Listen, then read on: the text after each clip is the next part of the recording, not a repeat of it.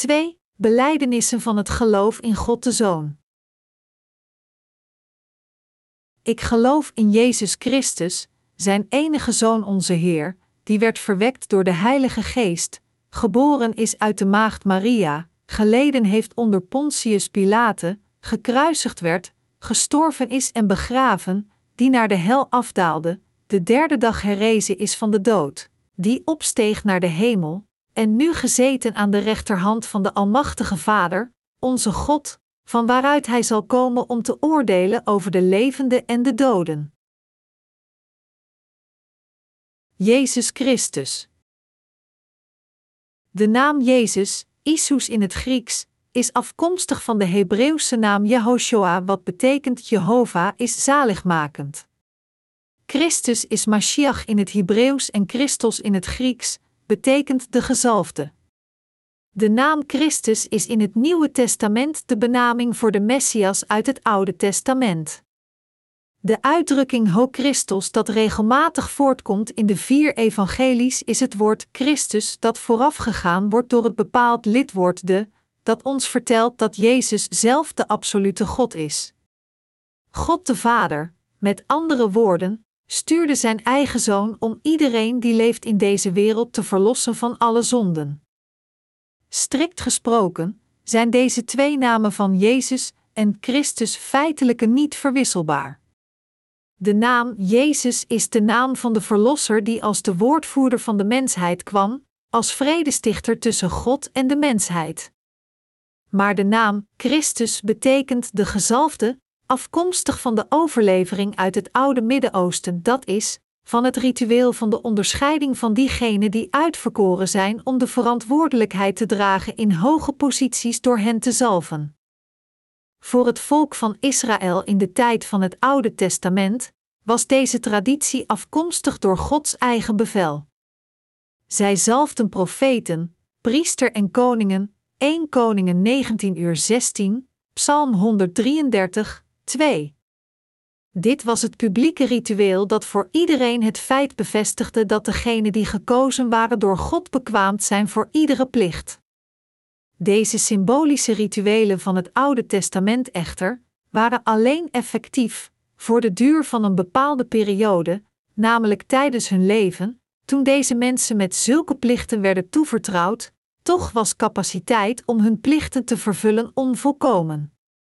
Deze feiten impliceren dat de Israëlieten niet konden wachten op het moment dat de ene, de perfecte mens, zou komen om te worden gezalfd door God zelf. In deze context was er de geboorte van iemand die bijzonder gezalfd zou worden door de Heilige Geest om de gerechtigheid van God te vervullen. Matthäus 3, 15, 17, Marcus 1, 10, 11, Lucas 3, 21, 22. Jezus zelf getuigde van dit: De geest des Heren is op mij, daarom heeft hij mij gezalfd. Lucas 4 uur 18, en zie eveneens Jesaja 61, 1. Dus, de naam Christus betekent de gezalfde die de mensen redt van de zonde. Bevattend in de naam van Christus zijn niet alleen zijn plichten als de Verlosser en de Woordvoerder, maar ook zijn macht en kracht geopenbaard in zijn perfecte vervulling van zijn plichten. 1. De eigenschappen van Christus. Christus bestond reeds zelfs voor de schepping, Efeziërs 1, 4. Uitleggend de wil die God had zelfs voor de schepping, zegt Paulus, om in de bedeling van de volheid der tijden, wederom alles tot één te vergaderen in Christus, beide dat in de hemel is, en dat op aarde is, in hem, Efeziërs 1 uur 10. Om zijn wil te vervullen, stuurde God zijn enige geboren zoon, die hij had beloofd en die zou worden gezalfd, naar deze wereld. De familiestamboom van deze zoon van God wordt in detail getoond in het verbond dat God vestigde met Abraham, dat is, hij zou komen als een afstammeling van Abraham, en alle volkeren zouden worden gezegend vanwege hem. Genesis 22, 17, 19. Dit was Gods belofte. Jacob, terwijl hij zijn zonen in zijn stervensuur zegende, zei eveneens dat de Messias zou komen als een afstammeling van Juda, Genesis 49, 10.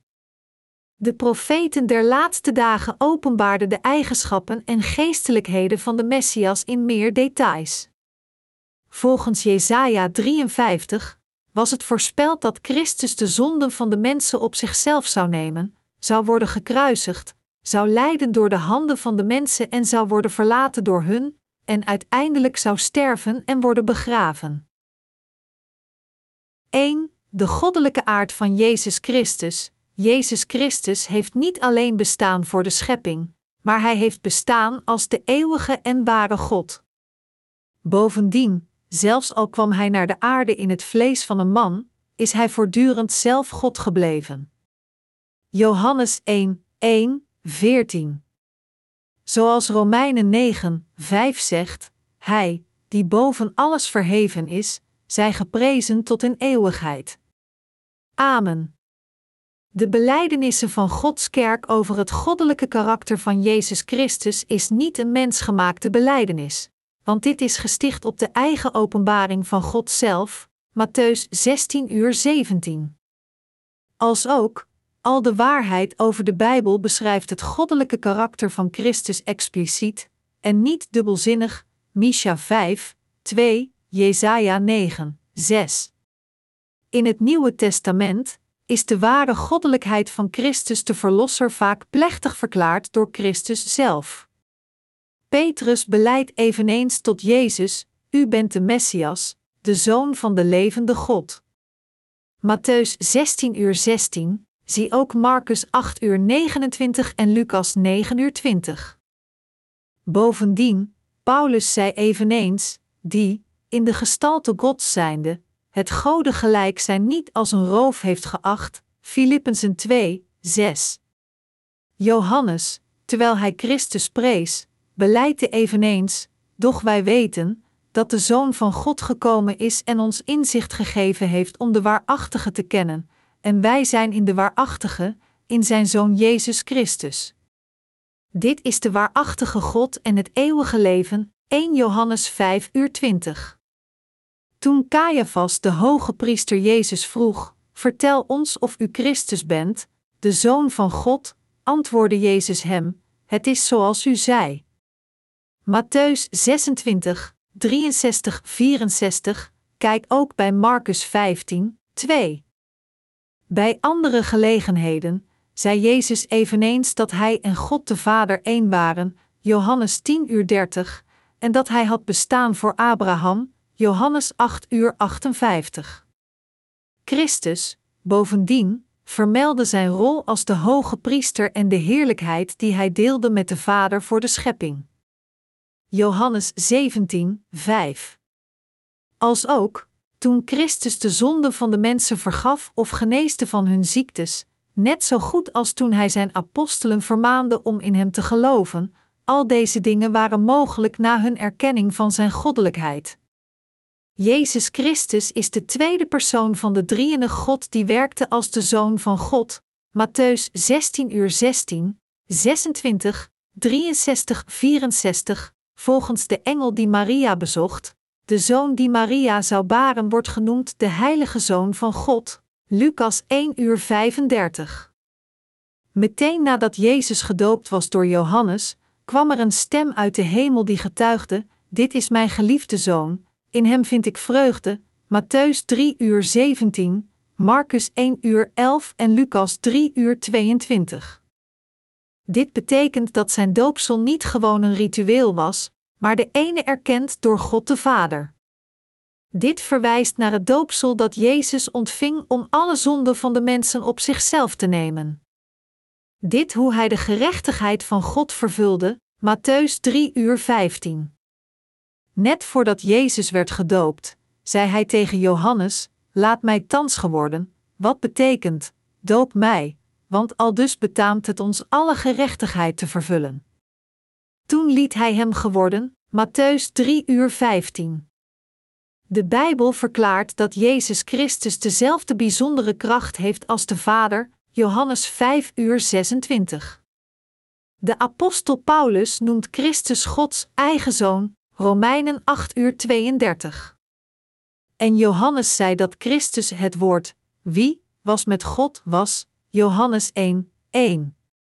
Hij beschrijft hem eveneens als Gods enige geboren zoon, Johannes 1 uur 14, 3 uur 16, zie ook 5 uur 18, waar Jezus verklaart dat God zijn vader is. 2. De menselijke aard van Jezus Christus. Het Nieuwe Testament benadrukt eveneens de menselijke aard van Christus. De eeuwige Zoon van God werd geboren in de gelijkenis van mensen, Filippenzen 2, 7, 8. Hij werd genoemd de mens Jezus Christus, 1 Timotheus 2, 5. Alhoewel hij God zelf was, reïncarneerde hij in een man en verbleef onder ons, Johannes 1 uur 14. Dientengevolge werd hij gedoopt door Johannes de Doper. Hij leefde onder de mensen als een man, en hij deelde in hun geluk, vreugde en verdriet. En hij at eveneens hetzelfde voedsel dat hun aten. Hij was een man niet alleen in zijn optreden, maar ook in zijn karakter. Gelijk anderen was hij eveneens een afstammeling van Adam, de familiestamboom van Lucas 3 uur 38. En hij werd geboren uit een vrouw, Lucas 2, 6, 7, Matthäus 1, 1825 en Galaten 4, 4. Onder zijn voorvaderen waren Abraham en David, Matthäus 1, 1. Alhoewel Jezus zelf zonder zonde was, kwam hij desondanks naar de aarde in het vlees van een man verzwakt door zonden. Met andere woorden, Christus kwam in de gelijkenis van zondig vlees, en door gedoopt te worden van Johannes, vervulde hij al de gerechtigheid van God, Johannes 19 uur 30. Hoewel hij onze zonden op zich nam door zijn doopsel en zijn lijden, was hij niet te onderscheiden van anderen, Jesaja 53, 2, 3. Echter, alhoewel Christus dezelfde menselijke natuur had als ons, gaf hij zich nooit over aan de verleiding van de zonden. Volgens de schrijver van het boek Hebreeën was Christus, want wij hebben geen hoge priester, die niet kan medevoelen met onze zwakheden, maar een, die in alle dingen op gelijke wijze, als wij, is verzocht geweest, doch zonder te zondigen, Hebreeën 4 uur 15. Jezus droeg zonde alleen omdat hij de zonden van de wereld op zichzelf nam door gedoopt te worden van Johannes, en dit is waarom hij werd gekruisigd ter wille van de zondaars. Verwijzend naar Christus, Hebreeën 7 uur 26 zegt: Immers, zulk een hoge priester hadden wij ook nodig, heilig, zonder schuld of smet, gescheiden van de zondaren en boven de hemelen verheven. De drie plichten van Christus. Er waren drie soorten van personen wie werden gezalfd door olie in het tijdperk van het Ouder Testament: de profeten, de priester en de koningen. 1 Koningen 19 uur 16, Exodus 40, 13 15, 2 Koningen 9, 3. Christus is de profeet en de leermeester gezalfd door de Heilige Geest en hij is eveneens de hemelse hoge priester. Het begrip van de vele rollen die Christus speelde zijn allemaal bijbels gegrond. Deuteronomium 18 uur 15 zegt: Hij zal in uw midden profeten laten opstaan, profeten zoals ik. Naar hen moet u luisteren. In Psalm 110, 4 noemde Jehovah Christus, door te zeggen: U bent priester voor eeuwig. Zacharia 6, 12, 13 openbaart het koningschap van Christus door te zeggen dat de man wiens naam de stamboom is, zou de glorie dragen en zitten en heersen op zijn troon. Deze drie plichten werden alle vervuld toen Christus naar deze wereld kwam, alle zonden van de wereld op zijn schouders nam door te worden gedoopt van Johannes, gekruisigd werd en zijn bloed vergoot aan het kruis, en van de dood herrees. A. Profeet, Zoals de profeten van het Oude Testament, vervulde Christus zijn profetische rol door de wil van God te openbaren en Gods woord uit te voeren naar zijn volk. Maar Christus was niet alleen een gewone profeet of boodschapper. Hij was de grootste profeet voor de mensheid. Zijn woord was het volledige en perfecte woord van God waar geen profeet ooit iets aan kan toevoegen of van aftrekken. Dit is omdat alle schatten van wijsheid en kennis zijn verborgen in hem. Colossenzen 2, 3. Het is eveneens omdat hij de enige zoon van God is, die aan het hart van de Vader rust. Johannes 1 uur 18. Christus' boodschap werd perfect gemaakt toen hij zijn missie had volbracht, om alle gerechtigheid van God te vervullen, werd Jezus gedoopt van Johannes en vergoot zijn bloed aan het kruis. En hij zegt dat iedere zondaar is verlost van zijn slash haar zonden binnen de gerechtigheid die hij had voltooid. Daarom, zo'n ware kennis over God en leerstellingen over verlossing kan niet worden bereikt zonder geloof in het doopsel van Christus en het bloed aan het kruis. Diegenen die niet geloven zijn reeds veroordeeld, omdat zij niet geloofd hebben in de naam van de enige Zoon van God, en dus zondig blijven, Johannes 3 uur 18. Zij kunnen ook niet de weg naar het eeuwige leven vinden. Omdat Christus sprekenkracht hadden en autoriteit als de profeet, leidden zij de luisteraars naar het luisteren van zijn woord. B. Hoge priester, in Psalm 110, 4, pratend tegen zijn gezalfde, zei God: Jij bent een priester voor eeuwig volgens het beven van Melchisdek.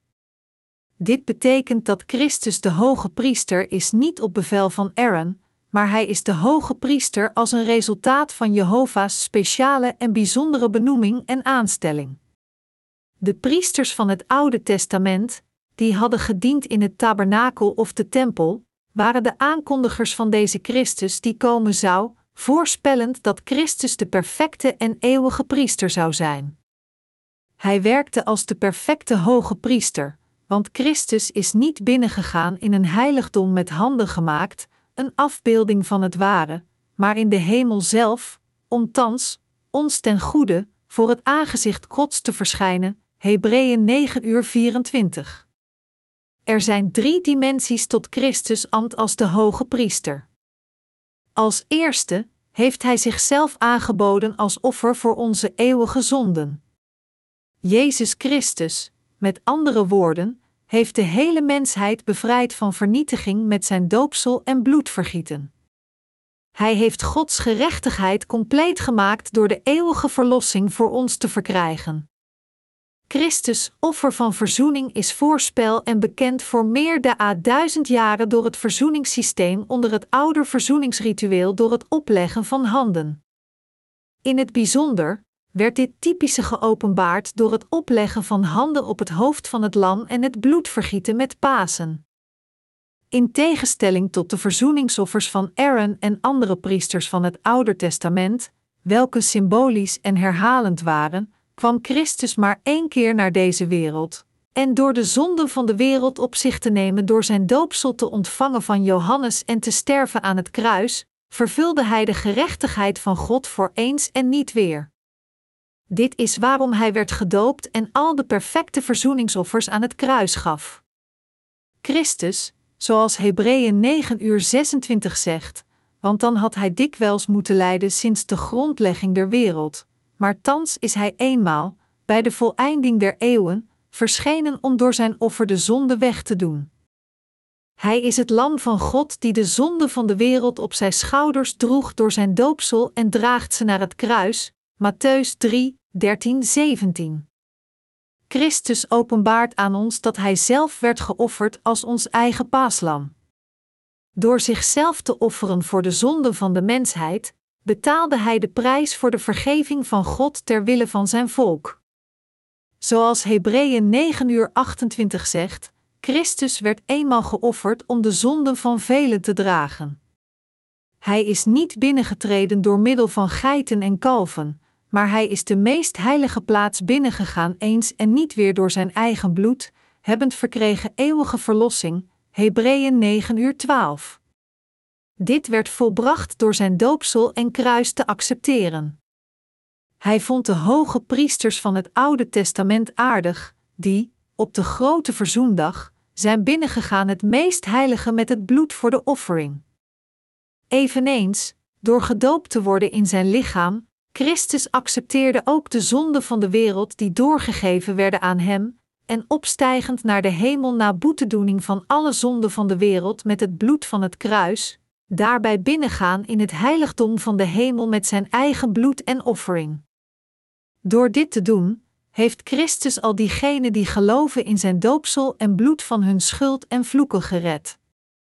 Boven alles, voor de redding van zijn volk van hun zonden, was Christus in staat om al zijn werk te volbrengen, inclusief te worden gedoopt door Johannes en zijn bloed vergietend aan het kruis. Met zijn vrijwillige gehoorzaamheid, dat is, door te worden gedoopt, droeg Christus de zonden van zijn volk, en met zijn werkzame gehoorzaamheid, dat is, door de zonden van de wereld te dragen naar het kruis en te worden gekruisigd, vervulde hij de gerechtigheid van God volmaakt. Het is wanneer we geloven in dit dat we onze redding verkrijgen. Door naar de aarde te komen en zijn lichaam op e geven als de offering voor alle mensheid, vervulde Christus al de gerechtigde werken van God. Door dit te doen, heeft hij zijn volk gered, die, door de verdorvenheid van Adam, zondaars geworden zijn van al hun zonden. Het is door dit werk dat Christus Gods gerechtigde plan volmaakt volbracht. Door zijn doopsel en vloed aan zijn volk te geven, maakte hij het voor hun mogelijk om de gerechtheid van God te ontvangen. Het tweede aspect, tot het priesterlijke ambt van Christus, is bidden.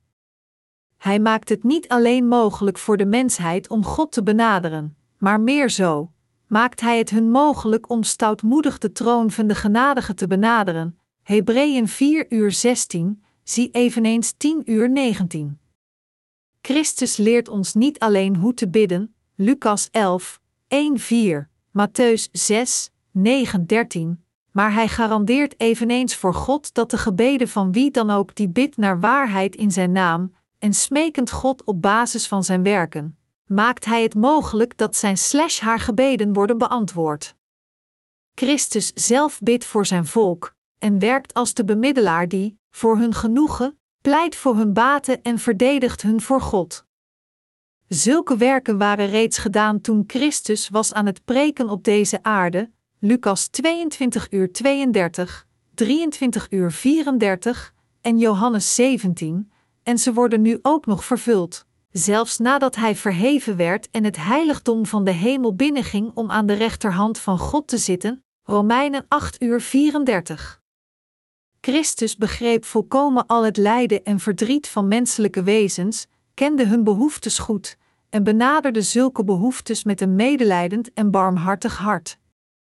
Zoals Hebreeën 4 uur 15 zegt, want wij hebben geen hoge priester, die niet kan medevoelen met onze zwakheden, maar een, die in alle dingen op gelijke wijze, als wij, is verzocht geweest, doch zonder te zondigen.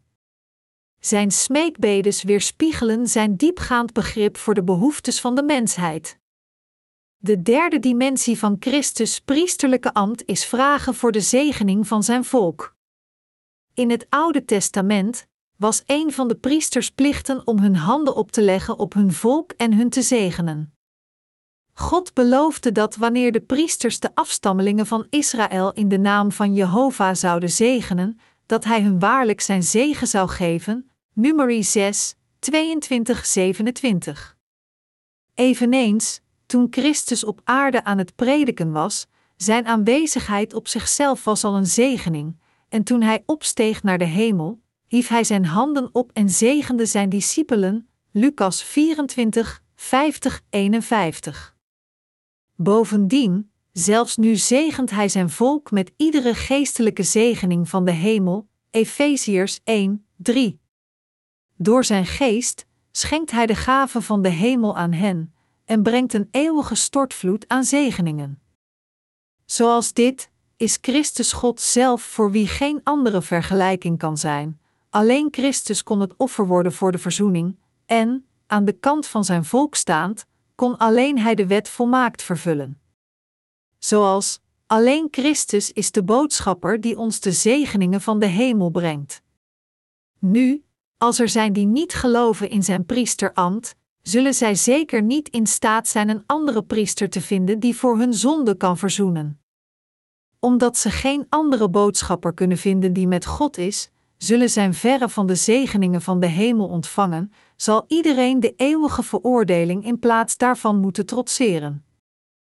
C. Koning. Christus werd eveneens gezalfd als koning voor zijn plichten, zoals de koningen uit het Oude Testament. Maar hij is niet zoals de voorgaande koningen, wiens roem en macht waren verkregen door geweld. Veeleer was Christus gezalfd als de eeuwige koning, en als de koning die zou regeren met oneindige macht, gerechtigheid en waarheid. Johannes trekt de aandacht naar het feit dat Christus koninkrijk niet van deze wereld is, Johannes 18 uur 36. Paulus, aan de andere kant, leert ons dat het koninkrijk van God alleen is samengesteld uit gerechtheid en vrede en vreugde in de Heilige Geest, Romeinen 14 uur 17. De schrijver van Hebreeën zegt dat deze koning regeert met zijn woord, want het woord Gods is levend en krachtig en scherper dan enig tweesnijdend zwaard en het dringt door, zo diep, dat het vaneen scheidt ziel en geest, gewrichten en merg, en het schift overleggingen en gedachten des harten. Hebreeën 4 uur 12. Bovendien, de soevereiniteit van het koningschap van Christus is niet beperkt tot het Joodse volk. Christus is het hoofd van de kerk, de kerkelijke gemeente van zijn gelovers, Efeziërs 4 uur 15. Deze kerk is vrijgekocht van de heerschappij van de duivel en is gebouwd met het bloed van Christus. Zijn kerk wordt geleid door de Heilige Geest en het behoort aan Christus voor altijd. Als de koning beschermt Christus zijn kerk tegen elk gevaar. Hij staat geen enkel vorm van strijdkrachten toe. Het maakt niet uit wat ze mogen zijn, om ooit de kerk te overwinnen. Zelfs als zulke krachten de poorten van Hades, hel, waren, zij kunnen de kerk niet overwinnen. Matthäus 16 uur 18. In toevoeging, zijn bewind is barmhartig en perfect. Door zo'n bewind maakt hij zijn volk onderworpen aan zijn macht en gehoorzaam aan zijn woorden. Bovendien, zelfs diegenen die niet de opperheerschappij van hem erkent, kunnen niet ontsnappen aan het bewind van Christus, want God de Vader heeft het mogelijk gemaakt voor de Zoon om over het hele universum te heersen. De Vader heeft Christus alle heerschappij gegeven. Jezus zegt daarover: Mij is gegeven alle macht in de hemel en op de aarde. Matthäus 28, 18. Paulus schrijft dat Christus triomfantelijk de slechte engelen van hun heerschappij heeft afgestropt, Colossensen 2 uur 15. De apostel Johannes zegt Christus is, en de overste van de koningen der aarde, Openbaring 1, 5. De opperste heerschappij van Christus lijkt te worden genegeerd op deze aarde, en zijn glorie lijkt op blasfemie te lijken, beledigend en verborgen door zijn kwade vijanden, Psalm 89, 51. Maar zijn majesteit schijnt voortdurend in de hemel als de koning van de koningen en de heer van alle heren, Openbaring 19 uur 16. Op het eind zal Christus uiteindelijk terugkomen door de wolken, en hij zal diegenen eren die in hem geloven, en schaamte aan diegenen geven die hem hebben afgewezen. Matthäus 25, 31, 46. Wanneer deze tijd komt, zal het rijk van Christus worden geopenbaard door zijn gerechtigheid overal in de hemel en op aarde. 2 Petrus 3 uur 13, Openbaring 21. In het Nieuwe Testament was Christus de profeet, en op hetzelfde moment was hij de hoge priester en de koning. Wanneer Christus sprak als een profeet, zijn leerstellingen werden begeleid met zijn macht als koning, Lucas 4 uur 32. Toen Christus toegaf aan Pilaten dat hij inderdaad een koning was, zei hij eveneens dat hij naar deze wereld kwam als een profeet om de waarheid te betuigen, Johannes 18 uur 37. Toen Christus wonderen verrichtte, werd zijn opperste heerschappij geopenbaard. Zulke wonderen waren zeker van zijn profetische leerstellingen, en deze wonderen werden geschonken door zijn priesterlijke barmhartigheid. Matthäus 8 uur 17. Preek 1: De Heilige Zoon. Wie is Jezus Christus? Waarom kwam Jezus naar deze wereld? Jezus kwam door het lichaam van een maagd. Reden: om menselijke wezens te redden van hun zonden, hij moest komen in hun vlees. In welke gedaante kwam hij? Hij kwam in de gedaante dat niets te wensen had. Jezus kwam naar het volk van Israël in het vlees van een man door het lichaam van de maagd Maria. Het was om het woord van voorspelling voor de mensheid te vervullen. Christus kwam om het licht van deze donkere wereld te worden. Hij kwam om te werken en de boodschapper tussen God en de mensheid te worden. Nadat hij de zonden van de wereld op zijn schouders nam door het doopsel dat hij ontving van de zonde en zijn leven te geven aan diegenen die geloven. Christus kwam om het voor ons mogelijk te maken om het koninkrijk van de hemel binnen te gaan door te geloven in zijn doopsel van zuivering van zonde en het bloed aan het kruis, en ons toestaat om de vurige hel te vermijden. Deze wereld was een donkere en hopeloze wereld. Voordat Christus naar deze wereld kwam, was er geen licht van ware zaligmaking, maar erger, het was opgesloten in pikzwarte duisternis. Naar zo'n wereld als deze kwam Jezus. Waarom kwam Jezus? Hij kwam om het licht van zaligmaking in deze wereld te schijnen. Feitelijk, Jezus is niet in december geboren. Eerder was hij geboren in een seizoen toen de velden van Israël waren gevuld met groen gras, toen schaapsherders hun schapen hoeden in het open veld en zijn feitelijke verjaardag niet op 25 december was. Lucas 2, 8. Waarom, dan, vieren we kerstmis op deze koude dag op 25 december? Dit was omdat van het midden van de 4e eeuw en CHR, de Westerse kerk deze dag 25 december heeft gezet als de geboortedag van Christus om de verspreiding dat van heidense aanbidding van een zonnengod te voorkomen. Maar deze dag was feitelijk een dag van aanbidding van de zonnengod mikkend om de deelneming in deze heidense viering te verbieden en om de vervalsing van het christelijke geloof te voorkomen, werd dezelfde dag van heidense feestvreugde afgekondigd als de geboortedag van Jezus, als een vorm van strategie om vuur met vuur te bestrijden. We weten niet precies wanneer Jezus geboortedag is, maar we weten zeker dat de Zoon van God kwam om de hele mensheid te redden, en daarom hebben we een dag in het jaar om zijn komst te vieren, niet lettend of al dan niet 25 december feitelijk een heidense feestdag was. Omdat de hele wereld de dag toen Jezus werd geboren viert om ons van onze zonde te bevrijden, hebben we een dag gezet, onthoud dit, en dank en prijs Hem. Toen Jezus naar deze aarde kwam, al de mensen van deze wereld werden bedrogen door de duivel, hun harten werden neergedrukt door hun zonden, en ze wisten eerlijk niet de weg om het eeuwige leven te ontvangen. Dit is waarom God de Vader zijn zoon Jezus stuurde om de mensen van de wereld van al hun zonden te redden. De naam Jezus is de naam van de Verlosser, betekent Hij die zijn volk van hun zonden zal redden. Deze Jezus kwam naar deze wereld.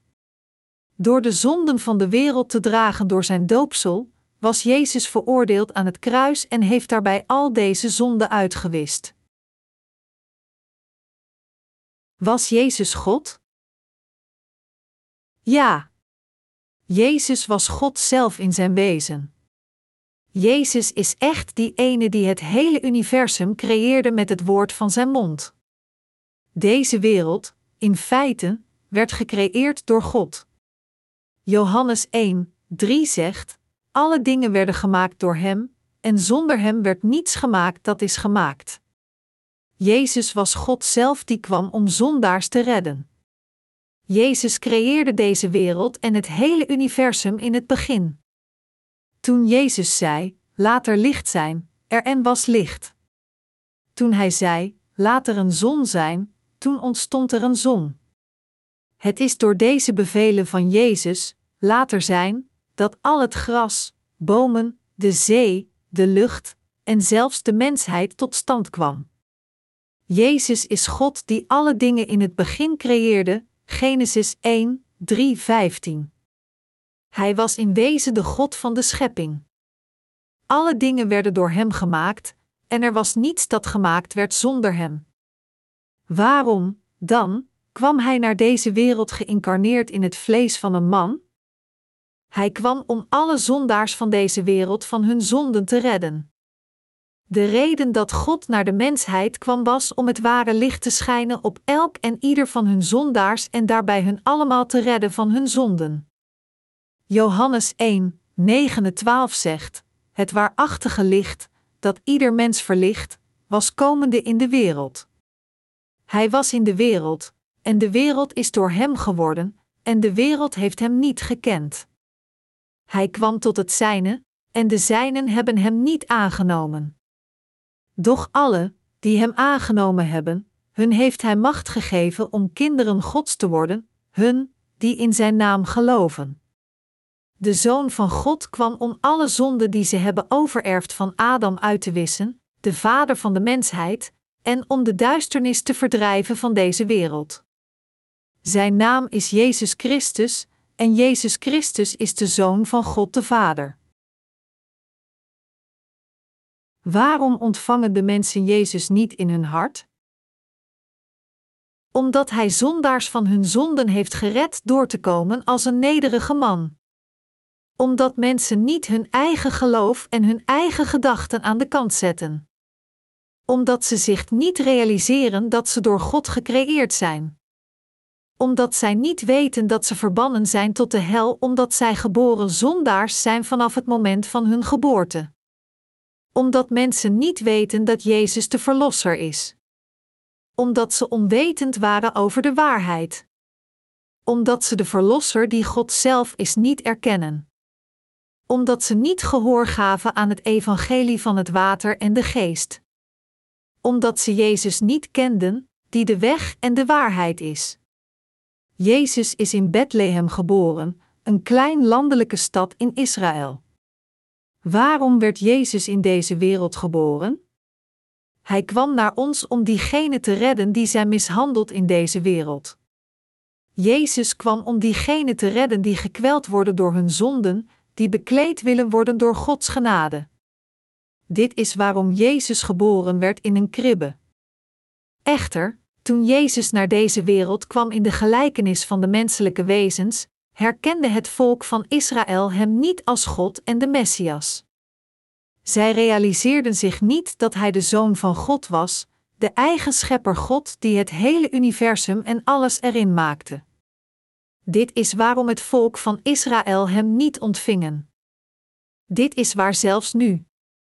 Vele mensen in deze wereld weten nog steeds niet dat Jezus God is, de schepper en de verlosser die menselijke wezens redden van al hun zonden. Jesaja schreef dat toen God omlaag keek vanuit de hemel, hij staat verbijsterd, niemand die iets doet, niemand die ingrijpt, Jesaja 59, 16.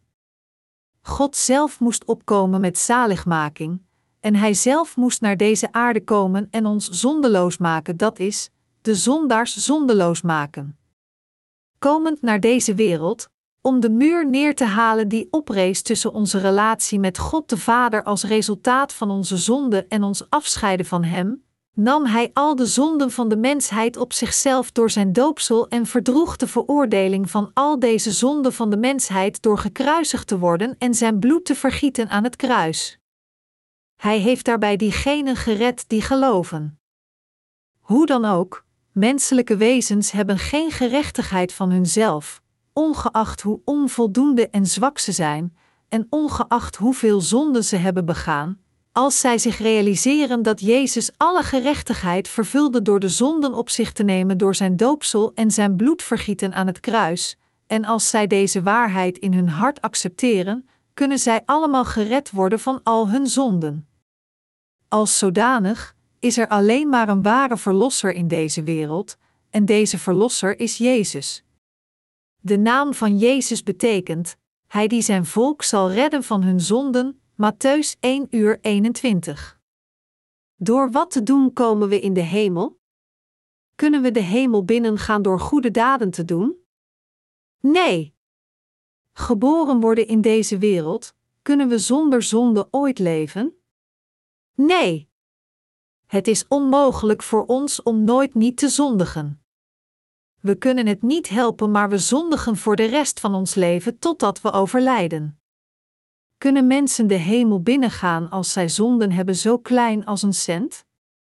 Nee. Is er iemand in deze wereld, dan, die de hemel kan binnengaan op eigen kracht? Nee. Door wie kunnen we dan de hemel binnengaan? We kunnen de hemel binnengaan door te geloven in het evangelie van het water en de geest dat ons gegeven is door Jezus Christus. Want hij zal zijn volk bevrijden van hun zonden, Matthäus 1 uur 21. God heeft ons gemaakt, en toen we aan de zonde vervielen, werd hij een man en kwam naar deze aarde om onze zonden te laten verdwijnen. De ene die dus naar de aarde kwam, werd gedoopt en stierf aan het kruis is geen ander dan Jezus. Wanneer we in Jezus geloven, hoe kunnen we Hem waarlijk ontvangen? Johannes 1 uur 12 zei: Doch alle, die Hem aangenomen hebben, hun heeft Hij macht gegeven om kinderen Gods te worden, hun, die in Zijn naam geloven. Aan diegenen die geloven dat Jezus hun Verlosser is geworden en al hun zonden uitwiste, heeft Hij het recht gegeven om Gods kinderen te worden. Heeft u het evangelie van het water en de geest ontvangen? Wat is de waarheid ontvangen? Iemand kan alleen de waarheid ontvangen wanneer hij slash zij de waarheid van het water en de geest kent. Wanneer iemand op onze deur klopt, doen we de deur een klein beetje open en we vragen eerst wie het is, en als het iemand is die we kennen, dan openen we de deur helemaal en vragen we hem slash haar om binnen te komen. Dit is ontvangen. Hoewel we Jezus niet werkelijk van aangezicht tot aangezicht hebben ontmoet, geloven we dat Hij al onze zonden doorgegeven aan Hem door gedoopt te worden in de rivier de Jordaan accepteerde. Ik dank God voor deze waarheid. Ik mag dan niet in staat zijn om enige lening garanties te verlengen, maar wat ik beslist kan garanderen is het woord dat we het koninkrijk van God kunnen binnengaan als we alleen maar geloven in het evangelie van het water en de geest. Dat u zondeloos werd gemaakt is, op zichzelf, Gods kinderen worden. Dat u het eeuwige leven ontvangt door geloof is de waarheid. Het geloof dat de zegening van de hemel ontvangt is het geloof in het evangelie van het water en de geest gegeven door God. Dit betekent geloven niet alleen dat Jezus al onze zonden droeg door zijn doopsel, maar ook dat Hij naar deze aarde kwam om voor eens en fors altijd alle zonden die u voor de rest van uw leven zou begaan weg te nemen en dat tot het eind van de wereld. Jezus, die ik geloof, heeft ons allemaal in een keer zondeloos gemaakt door de zonde van de wereld weg te nemen voor eens en voor altijd. Geloof, geloof is een prachtig woord ontvang ik accepteer de waarheid dat Jezus mijn Verlosser is in mijn hart.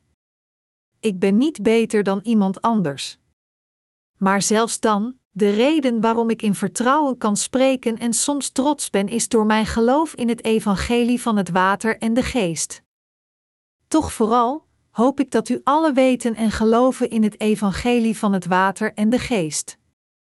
Het is alleen wanneer we de waarheid weten van het water en de geest en erin geloven dat we uiteindelijk opnieuw geboren kunnen worden, zondeloos worden en daarbij eveneens Gods kinderen worden. Weet u en gelooft u in de waarheid dat Jezus al uw zonden op zichzelf nam toen hij gedoopt werd in de rivier de Jordaan? Jezus, accepteerde de veroordeling voor alle zonden die u heeft begaan gedurende uw gehele leven en werd plaatsvervangend gestraft aan het kruis in uw plaats. Hij vrees van de dood in drie dagen en zit nu aan de rechterhand van de troon van God de Vader. Zelfs nu is onze God levend. Johannes 1, 9 zegt: Het waarachtige licht, dat ieder mens verlicht, was komende in de wereld. Dit licht is het licht van Jezus die de zonde van de wereld op zich nam door gedoopt te worden door Johannes en stierf aan het kruis. Alles wat we moeten doen is dit ware licht geschenen door God te ontvangen. We moeten in ons hart de waarheid dat Jezus als de Verlosser kwam voor al onze zondaars accepteren. We moeten geloven dat Jezus al onze zonden droeg door zijn doopsel in de rivier de Jordaan. Wanneer we geloven dat Hij al dus de gerechtigheid van God vervulde, dan kunnen we gered worden van al onze zonden. In ons vlees zijn we niet in staat om in Jezus te geloven. Maar in onze harten kunnen we de gerechtigheid van God weten, geloof erin en daarbij ontvang het. Eens waren we in pikzwarte duisternis. Dat deze duisternis werd verwijderd door het ware licht dat in onze harten schijnt, betekent de verwijdering van onze zonde van onze harten door ons geloof in het woord van de waarheid. Dit ware licht is het woord van de waarheid doordat we weer wedergeboren zijn van water en de geest. En het ware licht geeft ons licht omdat we hebben geloofd in en accepteerden in onze harten het doopsel dat Jezus ontving van Johannes en zijn bloedvergieten aan het kruis. Het is voor de mens bepaald om eenmaal geboren te worden en eenmaal te sterven. De Bijbel vertelt ons dat onze levenstijd ongeveer 70 of 80 jaar is als we sterk zijn, Psalm 90, 10. Ieder menselijk wezen gaat door het pad van het leven, en, als het eindigt, komen we te staan voor de Heer. Hoe treurig zou het zijn als we zouden doorgaan zonder dat we de waarheid weten over het water en de geest? Zelfs als we langer dan 80 jaar leven, moeten we allemaal op een gegeven moment sterven. Maar we houden niet eenvoudig op met bestaan nadat we gestorven zijn. Oordeel volgt na onze dood. Het zij we worden verwelkomd in de hemel of dat we in de hel worden gegooid, wordt bepaald door het geloof dat we hebben het geloof in het water en het vloed van Jezus Christus.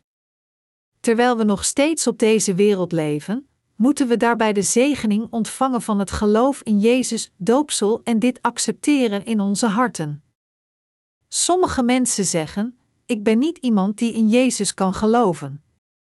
Waarom? Omdat ik geboren ben als een natuurlijke zondaar, wiens neiging tot zondigen grenzeloos is. Maar zelfs deze mensen hoeven zich geen zorgen te maken.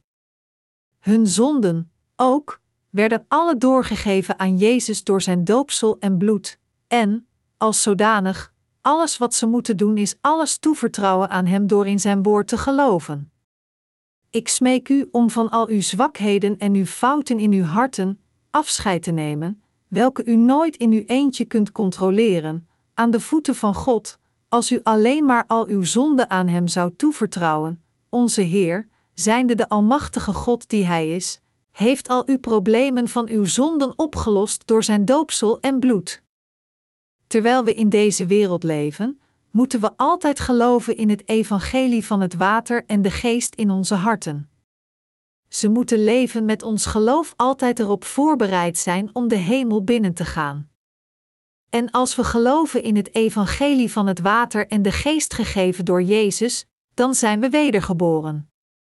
Als u dat doet, moet u zich realiseren dat de zegeningen van God dan worden verspreid door de hele wereld door niemand anders dan uzelf. Wanneer we geloven in het evangelie van het water en de geest gegeven door God, dan beschermt Hij ons. Wij moeten Jezus ontvangen door te geloven dat Hij onze Verlosser is geworden. En laat ons Hem eveneens bedanken voor onze Verlosser te zijn. We moeten en geloven in Jezus die beide is, goddelijk en menselijk, Johannes 1 uur 14. De apostelen geloven in de Zoon van God onze Heer als de Verlosser. De naam Jezus betekent de Verlosser en de naam Christus betekent de Gezalfde. Dit betekent dat Jezus zijn rol als de profeet vervulde, dat hij de koning van de koningen is, en, Daarom vervulde hij eveneens de rol van hoge priester van het koninkrijk van de hemel. Als eerste, het Oude Testament specificeert duidelijk dat de Christus die komt God zelf is. Een representatieve passage van dit is gevonden in Jesaja 9, 5, welke zegt: Er is een kind geboren, we hebben weer een koningszoon. Op zijn schouders rust de heerschappij. Men zal hem noemen krachtige bestuurder, goddelijke held, eeuwige vader, vredevorst. Behalve, onze Heers eigen woord draagt getuigenis over deze waarheid. Om een paar voorbeelden te tonen, Matthäus 5 uur 17 zegt, meent niet, dat ik gekomen ben om de wet of de profeten te ontbinden, maar om te vervullen. Niemand anders dan de Verlosser God zelf kan alleen de wet vervullen. Eveneens, in Matthäus 9, 6, zegt Jezus: Maar, opdat gij weten moogt, dat de Zoon des Mensen macht heeft op deze aarde zonden te vergeven.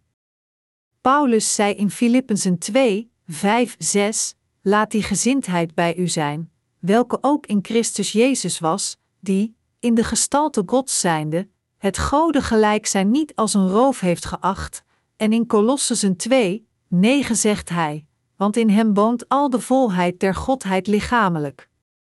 Boven alles, de wonderen die Jezus volbracht terwijl hij op deze aarde was, laat ons duidelijk zien dat hij God is.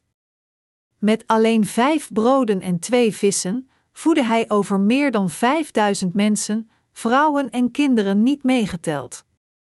Bij een andere gelegenheid voedde hij 4000 mensen met zeven broden en twee vissen. Jezus bracht eveneens winden naar onderen met zijn berisping. Hij liep over water en bevrijdde Petrus die in het water zonk. Matthäus 11, 5 zegt: Blinden worden ziende en lammen wandelen, melaatsen worden gereinigd en doven horen en doden worden opgewekt en armen ontvangen het evangelie.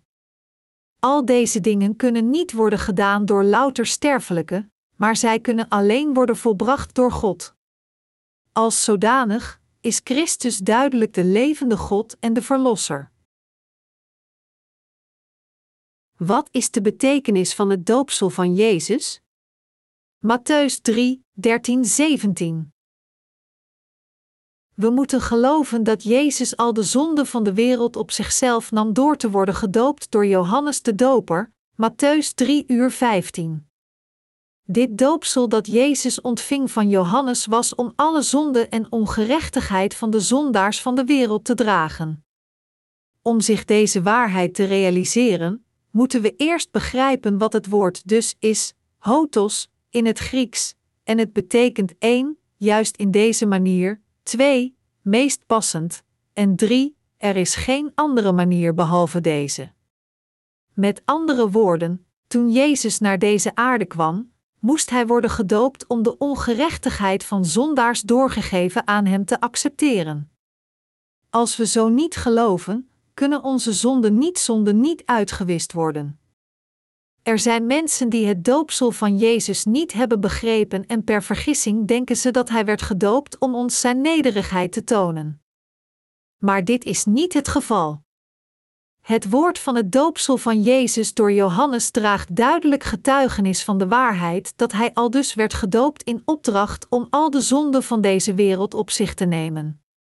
Jezus kon de verlosser worden voor diegenen die geloven in hem omdat hij, gekomen naar deze aarde, al de zonden van deze wereld accepteerde die doorgegeven werden aan zijn lichaam in een oogwenk door zijn doopsel te ontvangen van Johannes voor eens en voor altijd.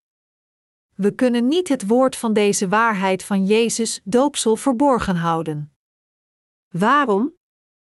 Omdat wat Satan zoekt bij zondaars is om hun onwetend te maken over het woord van het doopsel van Jezus. Het belangrijkste aspect van de mensheid is de vergeving van zonden, en om hen uit te schakelen om hierin te geloven.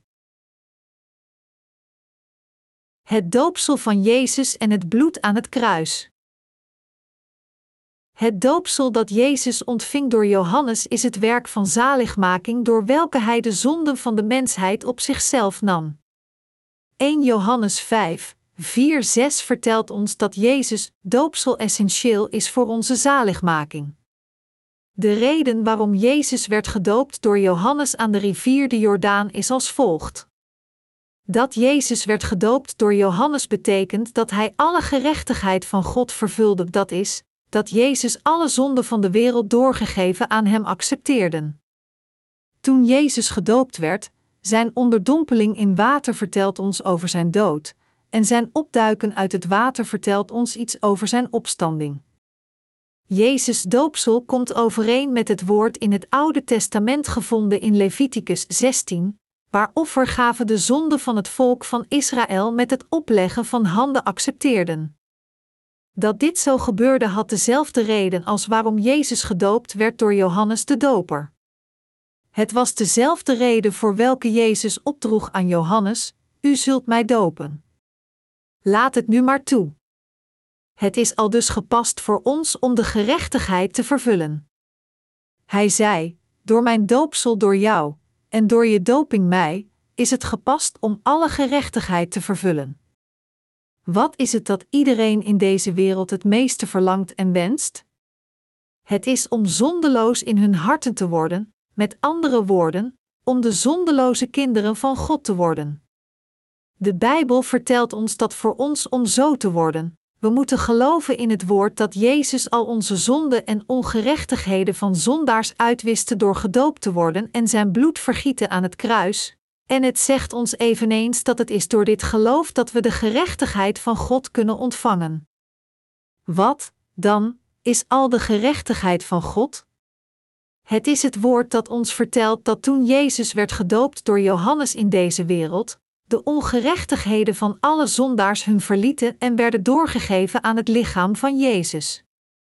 Voor dit is het gepast voor ons om alle gerechtigheid te vervullen, alle zondaars rechtvaardig te maken. Jezus vertelde Johannes, met andere woorden, dat het is door het doopsel van Johannes dat hij zou vervullen alle gerechtigheid van God.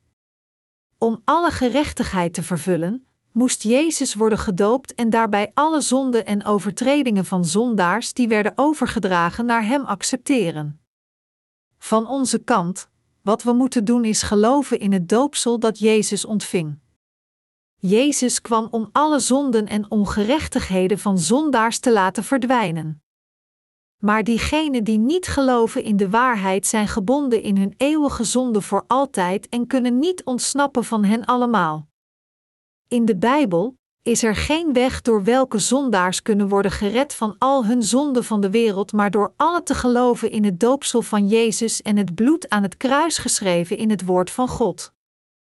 Toch zijn er nog steeds veel tegengestelde meningen over de methode met welke Jezus Christus de ongerechtigheden van zondaars heeft uitgewist. Sommige mensen zeggen dat het woord van het bloed is aan het kruis.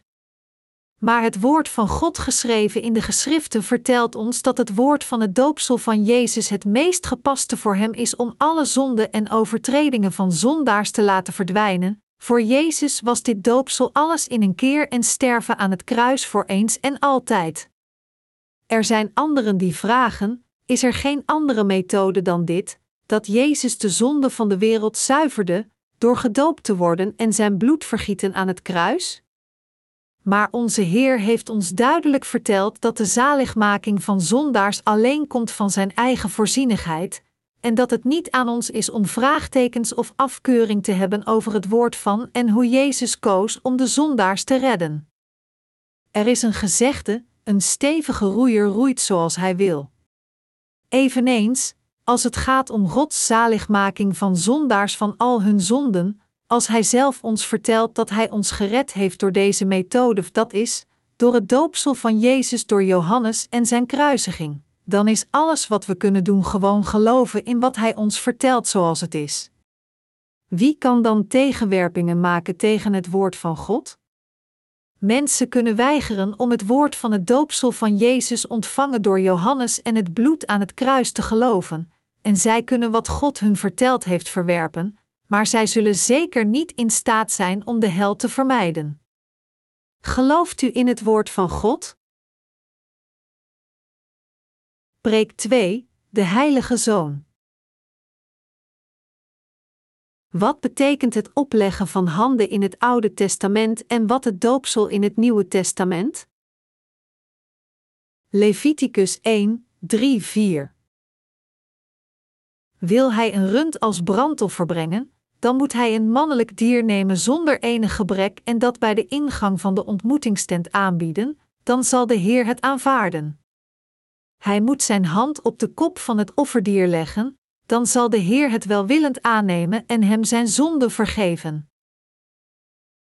Het Oude Testament vertelt ons dat toen de mensen van Israël aan God hun brandoffers brachten voor de vergeving van zonden, ze erop moesten letten dat ze een smetteloos dier brachten en dat ze hun handen op het hoofd moesten leggen. En er staat eveneens geschreven dat toen de priesters in hun naam het dier doden, hun bloed aftapten, het bloed van het brandoffer op de hoorns van het altaar deden, en de rest van het bloed op de grond uitgoten, dan zouden ze de vergeving van zonde voor een dag ontvangen. Aan de andere kant, om te worden vergeven voor de zonde van een jaar, zegt Leviticus 16, 16, dan moet Aaron eerst de stier opdragen als offer voor zijn eigen zonde. Zo zal hij alles weer in het reine brengen met de Heer, voor zichzelf en voor zijn familie. Vervolgens moet hij de beide bokken naar de ingang van de ontmoetingstent brengen en ze daar, voor de tent van de Heer, opstellen. En hij zal door loting vaststellen welke bok bestemd is voor de Heer en welke voor Azazel. De bok die door het lot bestemd is voor de Heer, moet hij opdragen als offer voor de zonde. De bok die door het lot bestemd is voor Azazel, moet levend voor de Heer worden opgesteld en daarna de woestijn worden ingestuurd naar Azazel. Zo zal de bok de zonde van het volk met zich meenemen. In de Bijbel moest deze zondebok worden achtergelaten in de wildernis. Als toevoeging zegt Leviticus 16 uur 29, verder moet je de volgende aanwijzingen geven aan de Israëlieten. Op de tiende dag van de zevende maand moeten jullie vasten voor de Heer en al je werkzaamheden laten rusten. Dit is een blijvende bepaling voor jezelf en voor de vreemdelingen die bij jullie wonen. Hoe werden de mensen van Israël vergeven voor een jaar waarde van hun zonde allemaal in een keer? Als eerste hadden ze een hoge priester nodig, in de hoofdpassage hierboven, was dat Aaron in die tijd. Om een jaar waarde van de Israëlische zonden die overgedragen werden aan de zondebok te brengen, was het absoluut noodzakelijk om een hoge priester te hebben. Wie, dan, was de vertegenwoordiger van de priesters van de Israëlieten? Het was niemand anders dan Aaron. God zette Aaron en zijn nakomeling aan als de hoge priester. Aaron bracht een stier binnen in het tabernakelsplein, gaf zijn zonde door aan de stier door eerst zijn handen op het hoofd te leggen om eerst vergeving voor hemzelf en zijn huis te vragen, snee zijn keel open, tapte bloed of, en nam iets van het bloed van de stier en besprenkelt het met zijn vinger op de genadezetel aan de oostkant, en voor de genadezetel zal hij iets van het bloed met zijn vinger zevenmaal besprenkelen. Dit is hoe Aaron en zijn huis als eerste vergeving van zijn zonden ontvangt. Verzoening van iemands zonden kon alleen worden verkregen door het opleggen van handen op het offerdier. De plaatsvervangende dood van het offerdier geeft verzoening. De zondige moet sterven vanwege zijn eigen zonden, maar wanneer zij hun eigen zonde doorgaven aan het offerdier door het opleggen van handen op zijn hoofd, dan werd het dier daarvoor in de plaats gedood. Dit is hoe de hoge priester en zijn huis als eerste werden vergeven voor hun zonden.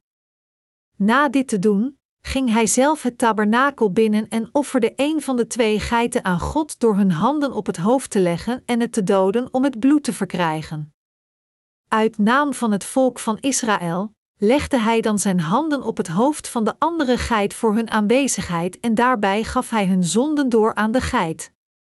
Zijn handen leggend op het hoofd van de geit, bidt de hoge priester daarbij: O Heer, het volk van Israël heeft uw wet gebroken, van de eerste tot de laatste van uw tien geboden, en alle 613 artikelen van de wet.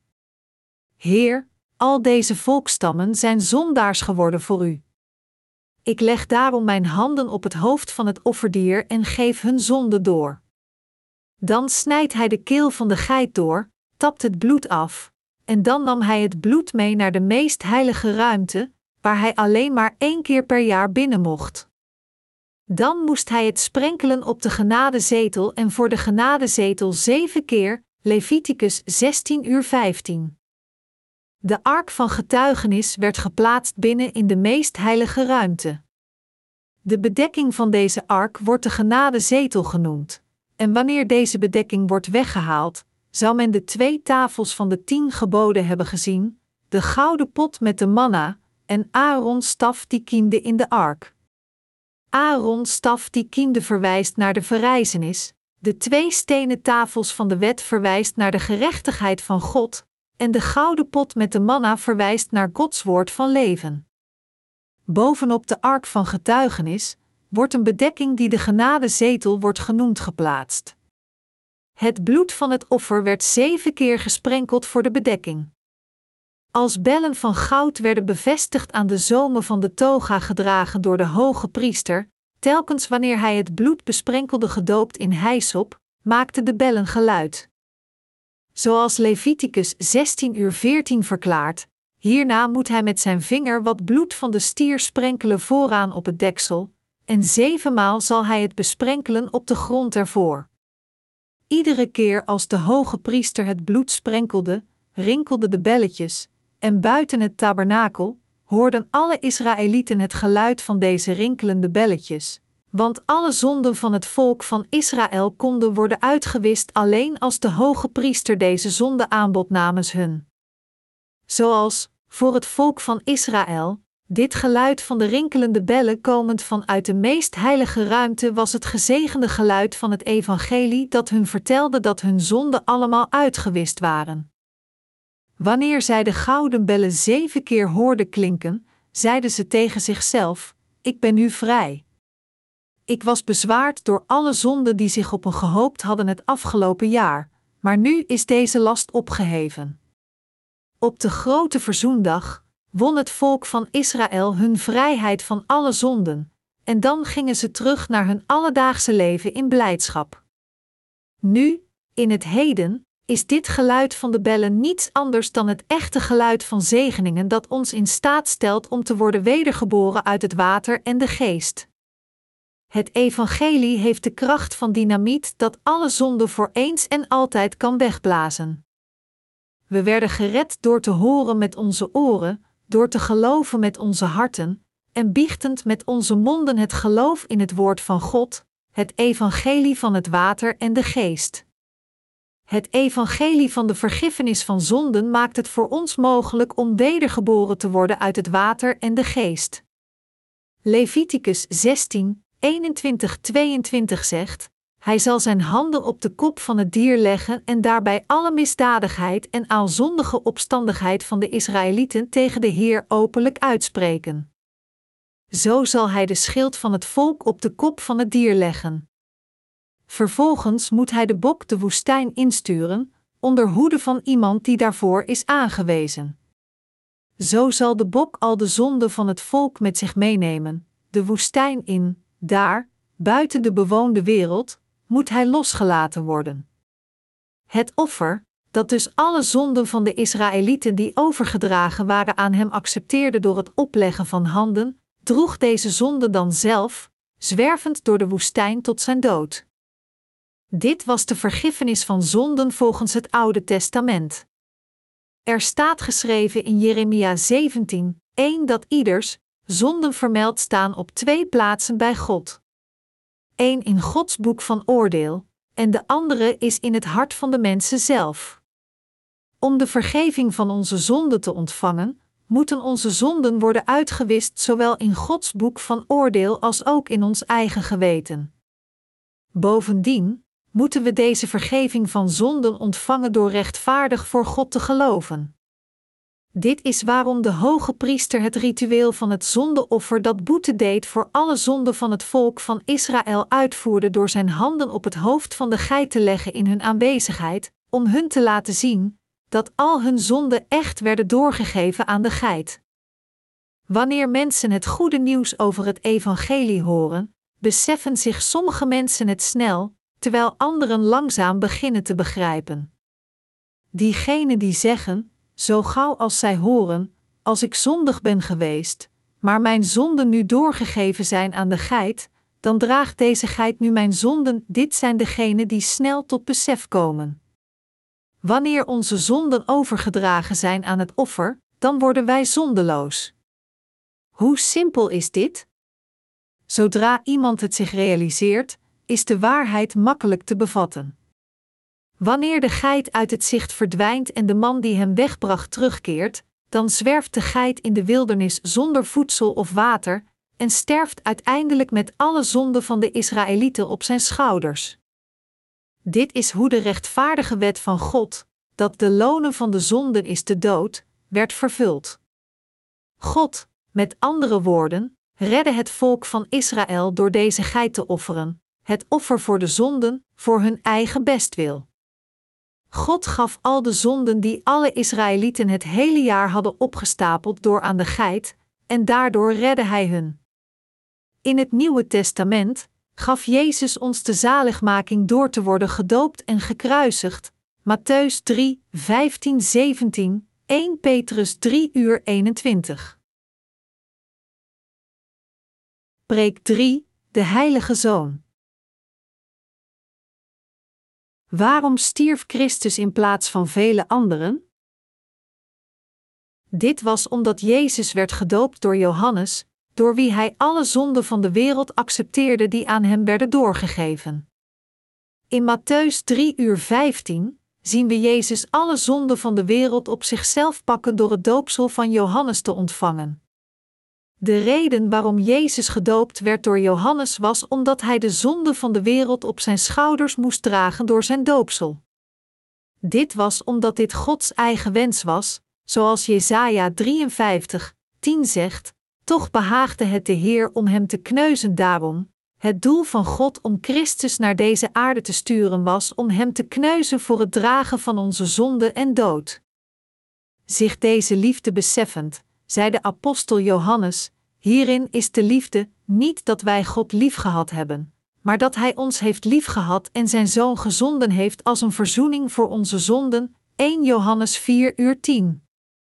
Gehoorgevend aan de wil van God, heeft Christus meteen de makkelijke weg opzij gezet, waarin Hij heel bekwaam was om te nemen met Zijn majesteit en macht, en hij aarzelde niet om het medelijden van zijn apostelen en het prachtige welkom van het volk te vermijden. Anders gezegd, omdat hij alle zonden van de wereld had geaccepteerd door te worden gedoopt, kon hij voor ons sterven die verdwaald zijn als schapen, en heeft daarbij een nieuwe manier van leven voor ons geopend. Hebreeën 10 uur 20. Jezus, met andere woorden, moest zijn doopsel door Johannes omarmen, om aan de gerechtigheid van God te voldoen, er niet oplettend of mensen het zouden herkennen of niet, want dit was de wens van de Vader. Dit is waarom hij geconfronteerd werd met de verdoemde en schrikwekkende dood aan het kruis. Omdat zijn lijdende wil van God was, bleef hij compleet stil zelfs tijdens zijn lijden. Zoals Jesaja 53, 7 zegt: Gewillig liet hij zich mishandelen, geen woord kwam over zijn lippen. Hij hield zich stil, als een lam op weg naar de slachtbank, als een schaap onder de handen van scheerders. Zelfs toen hij vals werd beschuldigd, hard werd geslagen, aan zijn baard werd getrokken en bespuugd werd, omdat hij de zonden van de mensheid accepteerde die overgedragen werden toen hij gedoopt werd door Johannes, bleef hij stil. Niet alleen dit, maar bovendien, omdat het de wil van de Vader was om te worden gedoopt en dus te sterven, stierf hij voor de bestwil voor diegenen die geloven. Pas na gedoopt te worden door Johannes op de leeftijd van 30 jaar en daarbij de zonde van de wereld op zichzelf nemend, werd onze Heer gekruisigd op een leeftijd van 33 jaar en vergoot zijn bloed. Dan verrees hij van de dood, en is de eeuwige verlosser voor diegenen van ons geworden die in deze waarheid geloven. Preek 4 De Heilige Geest. We moeten vastberaden geloven in de herrijzenis van Jezus.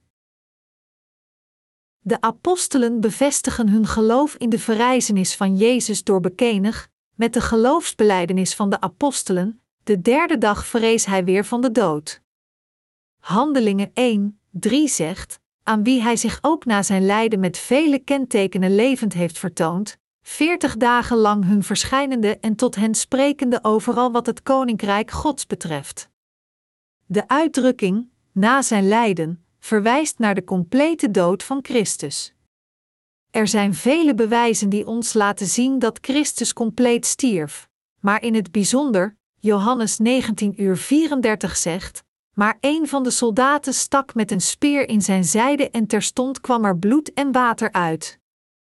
Het feit dat Jezus werd gekruisigd tot de dood werd door iedereen overal erkend. Deze straf van kruisiging, een veroordeling die de Romeinen uitdeelden aan buitenlanders, was een vrede veroordeling die gevonnist werd aan politieke oproerlingen en slaven. Voor de opkomst van het Romeinse Rijk werd kruisiging algemeen uitgevoerd door de veroordeelde op te hangen aan het kruis door de handen en voeten vast te binden, en dan de veroordeelde te doden door een speer in zijn borstkast te steken. Maar de Romeinse versie van kruisiging was een straf die de veroordeelde vastspijkerde in plaats van het vastbinden van handen en voeten aan het kruis, en lieten hem hangen aan het kruis om een langzame dood te sterven. Als zodanig werd er gezegd dat het aanzienlijk wat tijd kostte voor de veroordeelde om te sterven, meestal drie tot vier dagen, maar soms zelfs een week. Ze kunnen zelfs niet beginnen te begrijpen hoe pijnlijk het moet zijn om op deze manier te worden bestraft, worden genageld, gedraineerd van bloed, leidend aan toenemende ondraaglijke dorst, meedogenloos gebombardeerd door de zon en omringd door vliegende aasgieren. De veroordeelden werden gedwongen om te lijden tot het allerlaatste moment van de dood. Vanwege de extreme vreedheid van deze straf, keizer Constantijn, zo werd er gezegd, elimineerde deze bijzondere vorm van veroordeling. Wat, dan, verklaart het feit dat Jezus stierf in amper zes uur? Zoals hierboven vermeld, toen een van de soldaten zijn zij met een speer doorboorde, kwam er bloed en water uit. Zoals dit laat zien, stierf Jezus zo snel omdat hij aan groot hartzeer leed voor de zondaars dat het letterlijk braak en barstte. Met andere woorden, hij stierf een gebroken hart. Drie dagen na zijn dood, vrees Jezus weer in een perfect lichaam. Wat raar is, is dat ondanks dit sommige mensen aarzelen te geloven in de opstanding van Jezus, zelfs als zij verklaren dat ze zijn dood erkennen. Dit kan alleen worden gezien als het werk van de duivel proberen te voorkomen dat de mensheid in deze waarheid gaat geloven, zoals gezegd wordt in Lucas 8 uur 12, die langs de weg, zijn zij, die het gehoord hebben. Daarna komt de duivel en neemt het woord uit hun hart weg, opdat zij niet zouden geloven en behouden worden. Om de waarheid over de opstanding van Jezus te ontkennen, daarom pleit de duivel door ongeloof, seculariserende geleerden zulke valse hypotheses als de schijnbare doodhypothese, de geestelijke verrijzenishypothese, de hallucinatiehypothese, de manipulatiehypothese, de gestolen lichaamhypothese en andere. Maar de waarheid van de verrijzenis van Jezus heeft vele bepalende bewijzen, inclusief Handelingen 1, 3. Het JIT dat Jezus zichzelf levend presenteerde is het bewijs. Handelingen 1, 3 vertelt ons dat Jezus zichzelf levend presenteerde aan zijn apostelen door vele onfeilbare bewijzen. Het maakt niet uit wat mensen zeggen, wanneer onze Heer verklaart dat Hij levend is, is er geen grond voor enige discussie. Jezus heeft bevrijdende macht over leven en dood. Zoals Johannes 10, 17, 18 zegt: Hierom heeft mij de Vader lief, omdat ik mijn leven afleg om het weder te nemen. Niemand ontneemt het mij, maar ik leg het uit mijzelf af. Ik heb macht het af te leggen en macht het weder te nemen, dit gebod heb ik van mijn Vader ontvangen. In Openbaring 1 uur 18 zegt Jezus eveneens: Ik ben de eerste en de laatste, en de levende en ik ben dood geweest, en zie, ik ben levend tot in alle eeuwigheden, en ik heb de sleutels van de dood en het dodenrijk. Onze Heer heeft de macht om op te staan uit de dood om weer te leven, want Hij is God de Almachtige en een perfecte man op hetzelfde moment. Het loon van de zonden, zoals Romeinen 6 uur 23 ons vertelt, is de dood. Dit is de onveranderlijke, rechtvaardige wet van God. Jezus zorgde voor de zonden van de wereld en wiste hen allemaal uit door zijn doopsel en bloed. Omdat hij alle zonden van de wereld liet verdwijnen, vrees hij weer van de dood en is God geworden voor diegenen die in hem geloven. Dit is hoe de rechtvaardige wet van God werd bevestigd. Dat zijn graf leeg was, is het bewijs. Matthäus 27, 57, 66 vertelt ons dat een rijke man van Arimathea, genaamd Jozef, het dode lichaam van Jezus in het graf legde uitgehouwen uit steen, en dat hij het graf afsloot door een grote steen voor de ingang te rollen. Deze passage vertelt ons eveneens dat er een bewaker werd geplaatst voor het graf om het te beveiligen. Maar het graf werd leeg toen de Heer verrees van de dood met zijn macht en kwam uit zijn graf. Lucas 24, 3 zegt: Toen gingen ze naar binnen en ze vonden het lichaam van de Heer Jezus niet. Wat anders kan dit zijn dan het bewijs van de Heers verrijzenis? Jezus is een groot, historisch figuur. Een van de bewijzen is het chronologische gebruik van Anno Domini en CHR, wat betekent in het jaar van onze Heer. Jaren en maanden werden gezet, met andere woorden, gebaseerd op de dag van zijn komst. Hij is de Heer van geschiedenis, schepping en zaligmaking. Als hij niet in staat was geweest om van de dood te verrijzen, zijn graf zou gesloten zijn gebleven als een groot geschiedkundig oriëntatiepunt. De graven van de grote geschiedkundige figuren blijven nog steeds plaatsen van grote belangstelling. Bijvoorbeeld, Confucius' graf is in China, Boeddha's graf werd gevonden in India, en dat van Mohammed ligt in Mekka, Saudi-Arabië. Als Christus niet weer van de dood was verrezen, zou zijn graf nog steeds gesloten zijn, net als dat van hun. Maar omdat hij drie dagen na de dood verrees, was zijn graf open. Dit is geloven in onze Heer, de enige echte God. Dat hij at nadat hij verrees van de dood is bewijs. Geesten eten niet. Maar de verrezen Heer at. Lucas 24, 40, 43 zegt: En bij dit woord toonde hij hun zijn handen en voeten. En toen zij het van blijdschap nog niet geloofden en zich verwonderden, zeide hij tot hen: Hebt gij hier iets te eten? Zij reikten hem een stuk van een gebakken vis toe. En hij nam het en at het voor hun ogen. Handelingen 10, 40, 41 getuigt eveneens: Hem heeft God ten derde dagen opgewekt en heeft gegeven, dat hij verscheen, niet aan het gehele volk, doch aan de getuigen, die door God tevoren gekozen waren, aan ons, die met hem gegeten en gedronken hebben, nadat hij uit de doden was opgestaan. Dat Jezus at voorziet ons met duidelijk bewijs van zijn verrijzenis. In 1 Corinthiërs 15, 3-4 getuigt Paulus eveneens: Want voor alle dingen heb ik u overgegeven, hetgeen ik zelf ontvangen heb. Christus is gestorven voor onze zonden, naar de schriften, en hij is begraven en ten derde dagen opgewekt, naar de schriften. De Bijbel is het geïnspireerde woord van God met absolute autoriteit, daar kan niemand iets aan toevoegen nog aan afdoen. Zoals de Bijbel had geprofeteerd, is Jezus gestorven en weer verrezen. Ronde de tijd van Jezus dood, zaten zijn discipelen in vrees te beven. Maar nadat ze waren overtuigd van zijn verrijzenis, werden ze moedig in het verspreiden van het feit dat Jezus was verrezen van de dood. Zoals Handelingen 4, 18-20 ons vertelt, en toen zij hem binnengeroepen hadden, bevalen zij hun in het geheel niet meer te spreken over of te leren op gezag van de naam van Jezus. Maar Petrus en Johannes antwoordden en zeiden tot hen: Beslist zelf of het recht is voor God, meer aan u dan aan God gehoor te geven, want wij kunnen niet nalaten te spreken van wat wij gezien en gehoord hebben.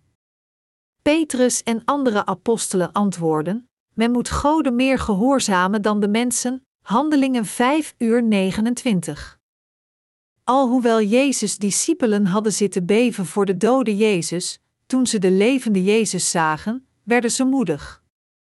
Vanaf toen tot nu, de reden waarom heiligen dit evangelie verspreiden zelfs als ze werden vervolgd voor Christus, en waarom ze gewillig wilden sterven voor Gods wil, is omdat de zekerheid van de verrijzenis van Jezus en de verzekering van ook hun eigen verrijzenis.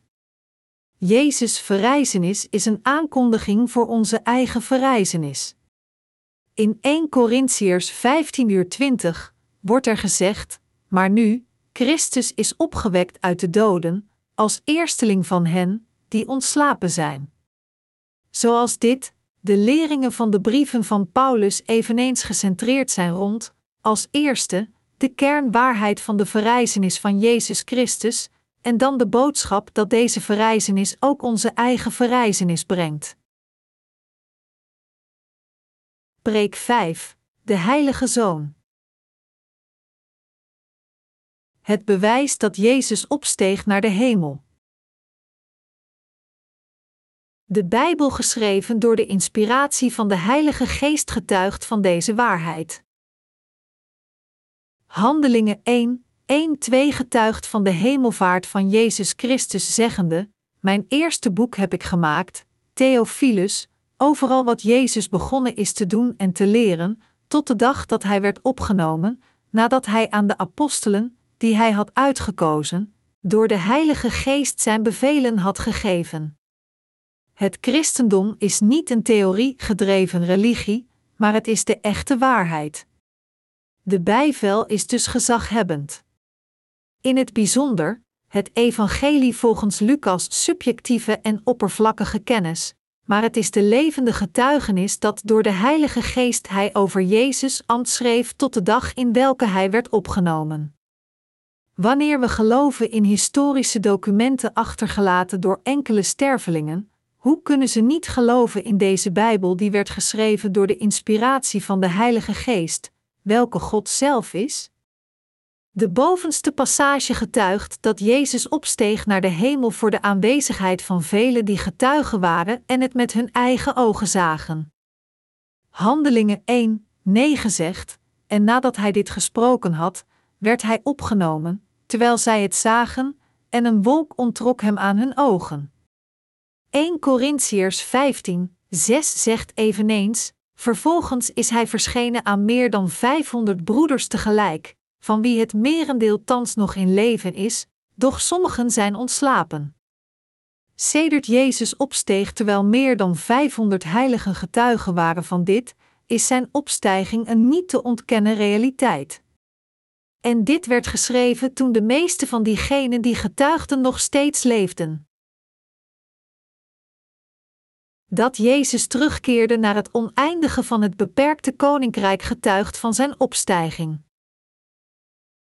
We moeten geloven als een vanzelfsprekendheid dat de oneindige Heer naar deze beperkte wereld kwam geïncarneerd in het vlees van de levenden, nam onze zonden op zich door te worden gedoopt, werd gekruisigd, verrees weer van de dood met zijn macht, en, met de glorie van deze opstanding, opsteeg naar de hemel terugkerend naar het oneindige van het beperkte. Als wij de heiligen waren, na naar deze aarde gekomen en er voor een tijdje zouden verblijven, terug zouden keren naar de hemel, dan is er niets raars aan, maar is het alleen een vanzelfsprekendheid. Eveneens is er niets vreemds aan het feit dat Christus, die van de hemel kwam, op deze aarde verbleef voor een tijdje en toen weer opsteeg naar de hemel, maar het is vanzelfsprekend. Onze Heer zei daarom tegen Nicodemus, tegen wie hij het principe van de hemel had uitgelegd, maar die het niet kon begrijpen, het volgende: Gij zijt de leraar van Israël, en deze dingen verstaat gij niet? Voorwaar, voorwaar, ik zeg u, wij spreken van wat wij weten en wij getuigen van wat wij gezien hebben, en gij neemt ons getuigenis niet aan. Indien ik u lieden van het aardse gesproken heb, zonder dat gij gelooft, hoe zult gij geloven, wanneer ik u van het hemelse spreek? En niemand is opgevaren naar de hemel, dan die uit de hemel nedergedaald is, de zoon des mensen, Johannes 3, 10, 13. Dat Jezus opsteeg naar de hemel voor vele getuigen getuigt van de waarheid. In Handelingen 1 uur 10 werd gezegd: En terwijl zij standvastig naar de hemel keken toen hij opsteeg hier, de uitdrukking standvastig naar de hemel kijken, betekent dat ze zeer nauwkeurig naar de hemel keken. Met andere woorden, Het laat zien dat de opstijging van de Heer plaatsvond voor de ogen van de discipels over een langere periode uitgespreid. Anders gezegd, deze ervaring van de discipelen was niet alleen onmiddellijk, maar het zorgde voor duidelijk en gedetailleerd bewijs. Dat de discipelen standvastig keken betekent dat zij staarden voor een aanzienlijke periode van tijd. Jezus' hemelvaart was niet een kortstondige en ogenblikkelijke gebeurtenis, zoals een vallende ster of een lichtflits aan de nachtelijke hemel, maar het was een concrete en zekere gebeurtenis. Gelijk dit, het christendom is de echte getuige van de echte waarheid. Twee engelen dragen getuigenis. In de laatste helft van Handelingen 1 uur 10 staat geschreven: Twee mannen in witte klederen stonden bij hen. Deze twee mannen verwijzen hier duidelijk naar engelen. De witte gewaden symboliseert zuiverheid en eer. Beide testamenten, het Nieuwe en het Oude getuigen eender dat engelen zich altijd manifesteren in de gelijkenis van menselijke wezens. Matthäus 28, 3, Lucas 24, 4, Handelingen 10 uur 30, Genesis 18, 2, 19. 1 en Openbaring 21 uur 17. Engelen zijn bovennatuurlijke wezens die zondeloos zijn. Gelijk dit, hun getuigenis plant de waarheid in onze harten, zo verfrissend als het heldere water van een rivier. Onze Heer zal terugkeren op dezelfde wijze als Hij ten hemel ging. Handelingen 1 uur 11 zegt: Galileese mannen, wat staat gij daar en ziet op naar de hemel? Deze Jezus, die van u opgenomen is naar de hemel, zal op dezelfde wijze wederkomen, als gij hem ten hemel hebt zien varen. Na de hemelvaart van de Heer kwamen de vijfhonderd broeders samen om getuigenis te dragen van deze hemelvaart. Ze waren nog steeds naar de lege hemel aan het staren in droefenis toen de Heer was verdwenen uit hun gezicht.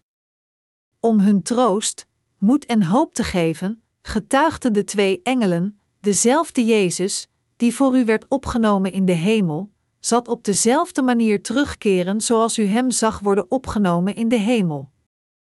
De uitdrukking op dezelfde manier betekent dat zoals hij opsteeg naar de hemel van de Olijvenberg, de terugkerende Heer zou onveranderlijk terugkomen naar de Olijvenberg, Zacharia 14, 4, en hij beloofde dat op deze tijd, hij zal niet komen in nederigheid zoals hij deed toen hij de eerste keer kwam, maar hij zal komen in wolken van glorie. Daarom de gerechtigheid kan wachten voor hem in hoop, zeggende: Kom, Heer Jezus. Openbaring 22 uur 20. Preek 6, de Heilige Zoon. De Heer zal terugkeren als de Heer van het oordeel. Openbaring 20, 11, 15. En ik zag een grote witte troon en hem, die daarop gezeten was, voor wiens aangezicht de aarde en de hemel vluchten, en geen plaats werd voor hen gevonden.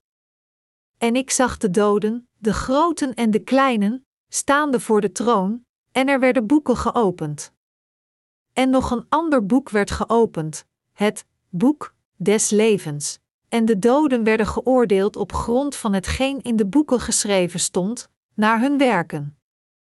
En de zee gaf de doden, die in haar waren, en de dood en het dodenrijk gaven de doden, die in hen waren, en zij werden geoordeeld, een ieder naar zijn werken. En de dood en het dodenrijk werden in de poel des vuurs geworpen. Dat is de tweede dood, de poel des vuurs. En wanneer iemand niet bevonden werd geschreven te zijn in het boek des levens, werd hij geworpen in de poel des vuurs. Deze wereld zal worden beoordeeld door de Heer voor zijn zonden. In bijzonder moeten we aandacht geven aan het feit dat de Heer zelf de executeur van het laatste oordeel zal zijn.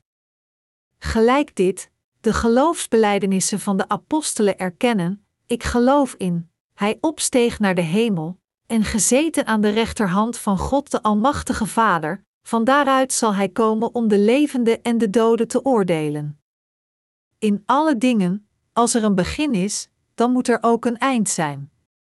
Als God zelf, daarom is Jezus beide de schepper en de rechter. Omdat de Heer de verlosser is van de mensheid, hij is eveneens de rechter, hij is de eerste en de laatste. De Bijbel vertelt ons dat er een gepast seizoen is voor alles onder de hemel. Zoals Prediker 3, 1 zegt: Alles heeft zijn uur en tijd, alles in dit leven. En Handelingen 17 uur 31 zegt: Omdat hij een dag heeft bepaald, waarop hij de aardbodem rechtvaardig zal oordelen door een man, die hij aangewezen heeft. Net als dit, zal God zeer zeker over de zonde van de mensheid oordelen. De maatstaf voor dit oordeel wordt gemeten of iemand gelooft of niet gelooft in het evangelie van het water en de geest, en iedereen wordt geoordeeld gebaseerd op dit criterium. De tijd van oordeel. De tijd van oordeel zal komen wanneer God het evangelie van het water en de geest over de hele wereld compleet heeft verspreid. Matthäus 24 uur 14. Dit wordt de laatste dag van deze wereld, de dag van het eind. Dit is de dag waarna Openbaring 20 uur 11 naar verwijst, zeggend: En ik zag een grote witte troon en hem, die daarop gezeten was, voor wiens aangezicht de aarde en de hemel vluchten, en geen plaats werd voor hen gevonden. Het wordt eveneens in 2 Petrus 3 uur 10 gezegd, maar de dag des Heren zal komen als een dief. Op die dag zullen de hemelen met gedruis voorbijgaan en de elementen door vuur vergaan, en de aarde en de werken daarop zullen gevonden worden. Bovendien, niet iedereen kan ontsnappen aan het oordeel van God, maar het kan alleen vermeden worden door te geloven in het water en de geest. De geschriften verwijzen naar deze dag als de dag van het oordeel, Matthäus 11 uur 22, 12 uur 36, Handelingen 17 uur 31, en de, dag van Gods woede, Romeinen 2, 5, Openbaring 16, 1. Het doel van Gods oordeel van deze wereld. Psalm 97, 2 zegt: In wolk en duisternis is hij gehuld, zijn troon stoelt op recht en gerechtigheid. Het doel van Gods oordeel van deze wereld is om de rechtvaardigen te belonen en om de zondaars te bestraffen. Alleen de Almachtige en Alwetende Heer van rechtvaardigheid zal duidelijk zijn schapen scheiden van de geiten, Matthäus 25, 32, en zijn tarwe van het kaf, Matthäus 3 uur 12. Als de laatste dag komt, zal diegenen die geloven onmiskenbaar worden onderscheiden van diegenen die niet geloven. De eerste helft van Openbaring 20 uur 11 zegt: En ik zag een grote witte troon en hem, die daarop gezeten was. Dit vertelt ons dat niemand zij slash haar zonde voor hem kan verstoppen.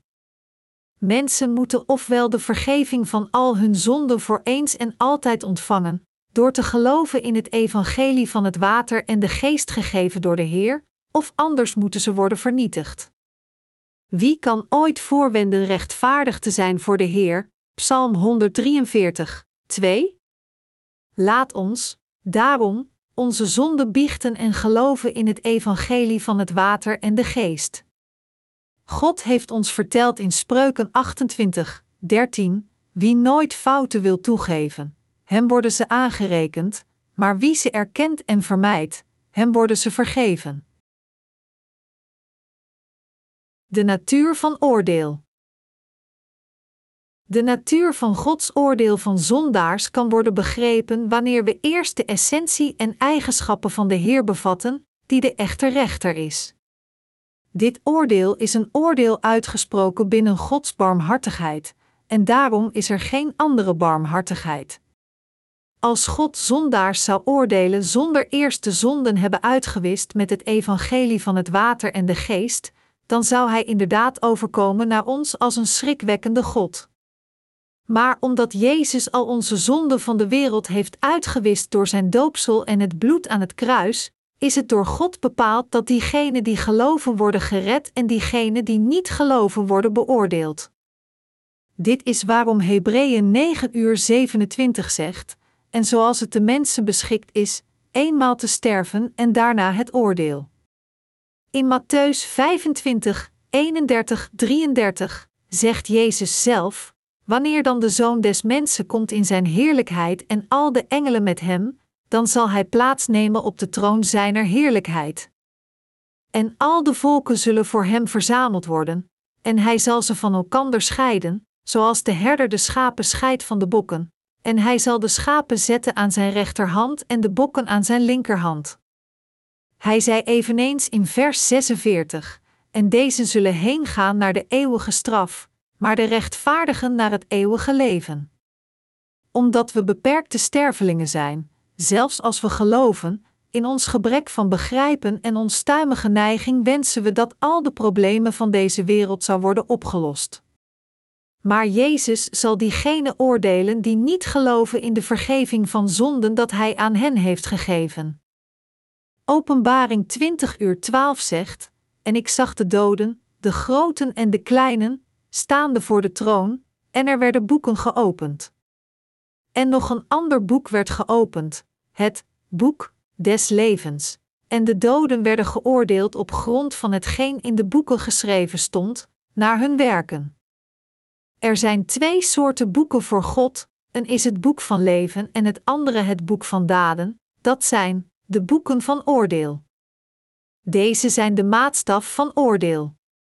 De boeken in de bovenste passage verwijzen naar de boeken in welke daden van de mensheid zijn opgenomen. De wet toont de zonde aan, en het leert ons dat wie dan ook niet gelooft in het evangelie van het water en de geest gegeven door de Heer zal niet kunnen worden gered van alle zonden. Dat God dus de mensheid zal oordelen met zijn boeken van daden en het boek van leven is het rechtvaardige oordeel. Afhankelijk van of we geloven in Jezus Christus als God, en of we geloven in het evangelische woord van het water en de geest dat Hij ons heeft gegeven, staan onze namen geschreven in het boek van daden of in het boek van leven. En gebaseerd op deze opnamen zullen we ofwel worden beloond of bestraft. Toen Thomas Edison, de koning van de uitvindingen, zijn eigen stem hoorde afspelen van de fonograaf dat hij had uitgevonden, zei hij: Zelfs mensen kunnen hun eigen opgenomen stemmen horen. Zou God dan niet al onze daden hebben opgenomen zonder te falen? Alhoewel zulk wereld beroemde beroemdheden zoals Gary Cooper, Marilyn Monroe, John Wayne en Bruce Lee zijn overleden lang geleden, hun stemmen, uitdrukkingen en handelingen zijn nog steeds te zien door TV-toestellen, net zo levendig nu als in hun verleden. Wanneer enkel stervelingen dit kunnen volbrengen met hun beperkte kennis en technologie, zou dan de Almachtige God niet in staat zijn dit tot stand te brengen? De vraag van iemands geloof dat is, of iemand gelooft in het doopsel van Jezus en het bloed aan het kruis, is meer belangrijk dan zelfs de vraag van zijn slash haar leven en dood. Waarom? Omdat afhankelijk van of deze persoon gelooft in het evangelie van het water en de geest of niet, hij slash zij zal in elk geval de vergeving van de zonde van God ontvangen, of moeten hun veroordeling van zonde van hem onder ogen zien. De wet van God maakt het voor ons mogelijk om onze zonden te herkennen. En komend voor de aanwezigheid van Jezus Christus, zijn doopsel en bloed leidt ons te geloven in de vergeving van onze zonden. Wanneer afgemeten door Gods wet, geen mensheid kan ooit zeggen om zondeloos te zijn. Maar eenmaal mensen geloven in het evangelie van het water en de geest, zij kunnen dan niet langer zeggen zondig te zijn. Dit is zo omdat de wet van God niet alleen onze uitwendige handelingen van zonde ziet, maar het dringt door binnenin de diepste kern van het menselijke hart. De wet zegt, bijvoorbeeld, wie kijkt naar een vrouw vol lust heeft al overspel met haar gepleegd in zijn hart. Evenzo, zelfs als we iemand niet echt vermoord hebben, als we hebben gehaat, jaloersheid of afgunst die onze moordmotivatie vormen, vertelt de wet ons dat we al hebben gemoord. Matthäus 5, 21, 22, 27, 28.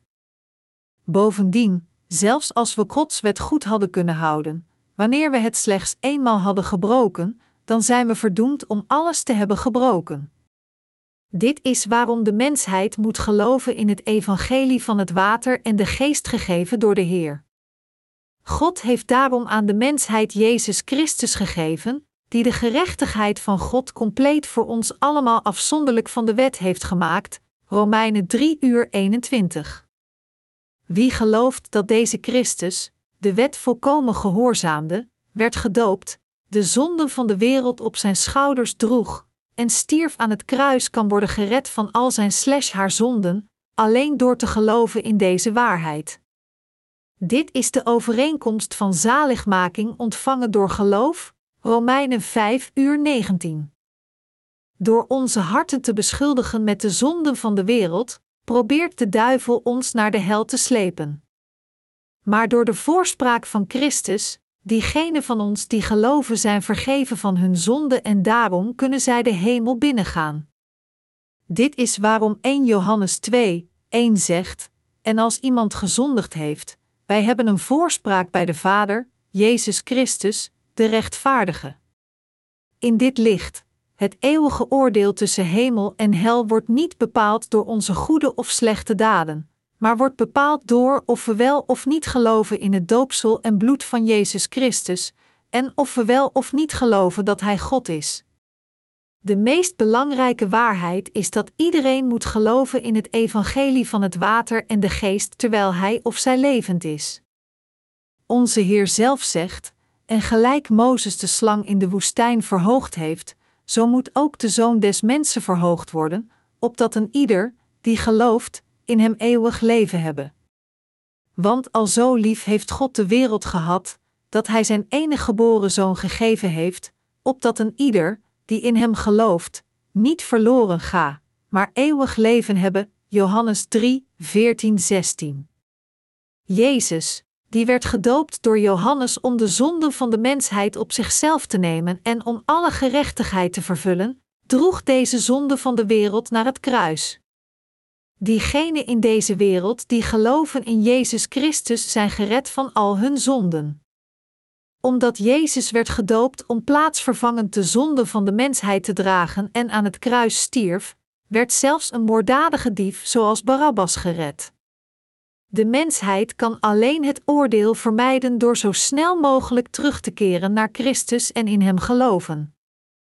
Zolang we leven, staan alle menselijke wezens op een tweesprong, waar zij moeten kiezen tussen de twee wegen naar de tegengestelde bestemming, de eeuwige ondergang of het eeuwige leven. Preek 7, de Heilige Zoon. Wie zijn onderworpen aan het oordeel? Zoals de geloofsbelijdenissen van de apostelen zeggen: Ik geloof in, van daaruit zal hij komen om de levenden en de doden te oordelen, de hele mensheid, van zijn vader Adam tot het eind van de wereld, zal worden onderworpen aan Gods oordeel. Hebreeën 9 uur 27 zegt: En zoals het de mensen beschikt is, eenmaal te sterven en daarna het oordeel. Iedereen moet eens sterven, en dan kan hij of zij Gods oordeel niet vermijden. In het begin van Openbaring 20 uur 12 werd er gezegd: En ik zag de doden, de grote en de kleine, staand voor God. De zegswijze klein en groot betekent hier niet volwassenen en kinderen, maar groot verwijst naar koningen, presidenten en andere hooggeplaatste politici en invloedrijken, terwijl klein verwijst naar alledaagse burgers en gewone mensen. Eveneens, in het begin van Openbaring 20 uur 13 zegt: En de zee gaf de doden, die in haar waren. Dit betekent dat al diegenen die stierven aan ongelukken eveneens voor de troon van oordeel zullen staan. Ongeacht waar mensen zouden sterven, of in de zee, in de lucht, of op het land, omdat God de hele hemel en aarde in handen heeft, kan niemand zijn oordeel vermijden. In het midden van bovenstaand vers 13 staat: En de dood en het dodenrijk gaven de doden die in hen waren, en gaat door met vers 14: En de dood en het dodenrijk werden in de poel des vuurs geworpen. Dat is de tweede dood. Zonden zijn de onveranderde wet die mensen doden, en Hades is de gevangenis die de doden opsluit. Maar nu, als het oordeel komt, zal dit worden veranderd en de doden worden bevrijd in het gehoorzamen van de wet van opstanding. Met andere woorden, wanneer het eeuwige leven en vernietiging zijn bepaald door het laatste oordeel, zal er niet langer de regel van dood en Hades zijn. Dit is waarom deze twee dingen in de zee van vuur worden gegooid. Anders gezegd, dat de dood en Hades in de zee van vuur worden gegooid betekent dat de zondaars die voor de troon van oordeel staan, in de zee van vuur worden gegooid. Dit is wanneer dood, de laatste vijand van leven, zal worden vernietigd. 1 Corinthiërs 15 uur 26. En het betekent dat de beestachtige mens en de valse profeten als eerste in de zee van vuur worden gegooid. Openbaring 19 uur 20, gevolgd door Satan, het hoofd van de demonen, die eveneens in de hel wordt gegooid. Openbaring 20 uur 10.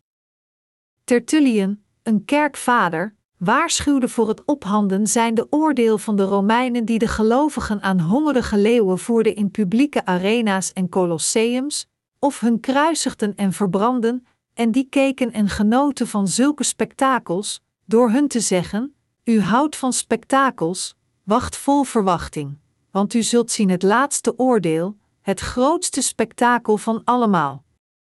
Inderdaad, er zal geen groter spektakel zijn dan dit, voor iedere mensheid die ooit gezegd geleefd heeft op deze aarde, hoog of laag, en van de ouden tot het midden en door naar het heden, zal het laatste oordeel aanschouwen en ofwel de hemel van het eeuwige leven binnengaan of gegooid in de vernietiging van de ziel. Openbaring 20 uur 15 is de conclusie. Het zegt: En wanneer iemand niet bevonden werd geschreven te zijn in het boek des levens, werd hij geworpen in de poel des vuurs. Wie wilt dat zijn slash haar naam geschreven staat in het boek van leven, moet wedergeboren zijn uit het water en de geest waar onze Heer over sprak. Om wedergeboren te zijn uit het water en de geest, moeten we al onze zonden aan Jezus doorgeven door zijn doopsel, en we moeten met de Heer sterven aan het kruis. Alleen dan kunnen we wedergeboren worden uit het water en de geest en het eeuwige leven ontvangen.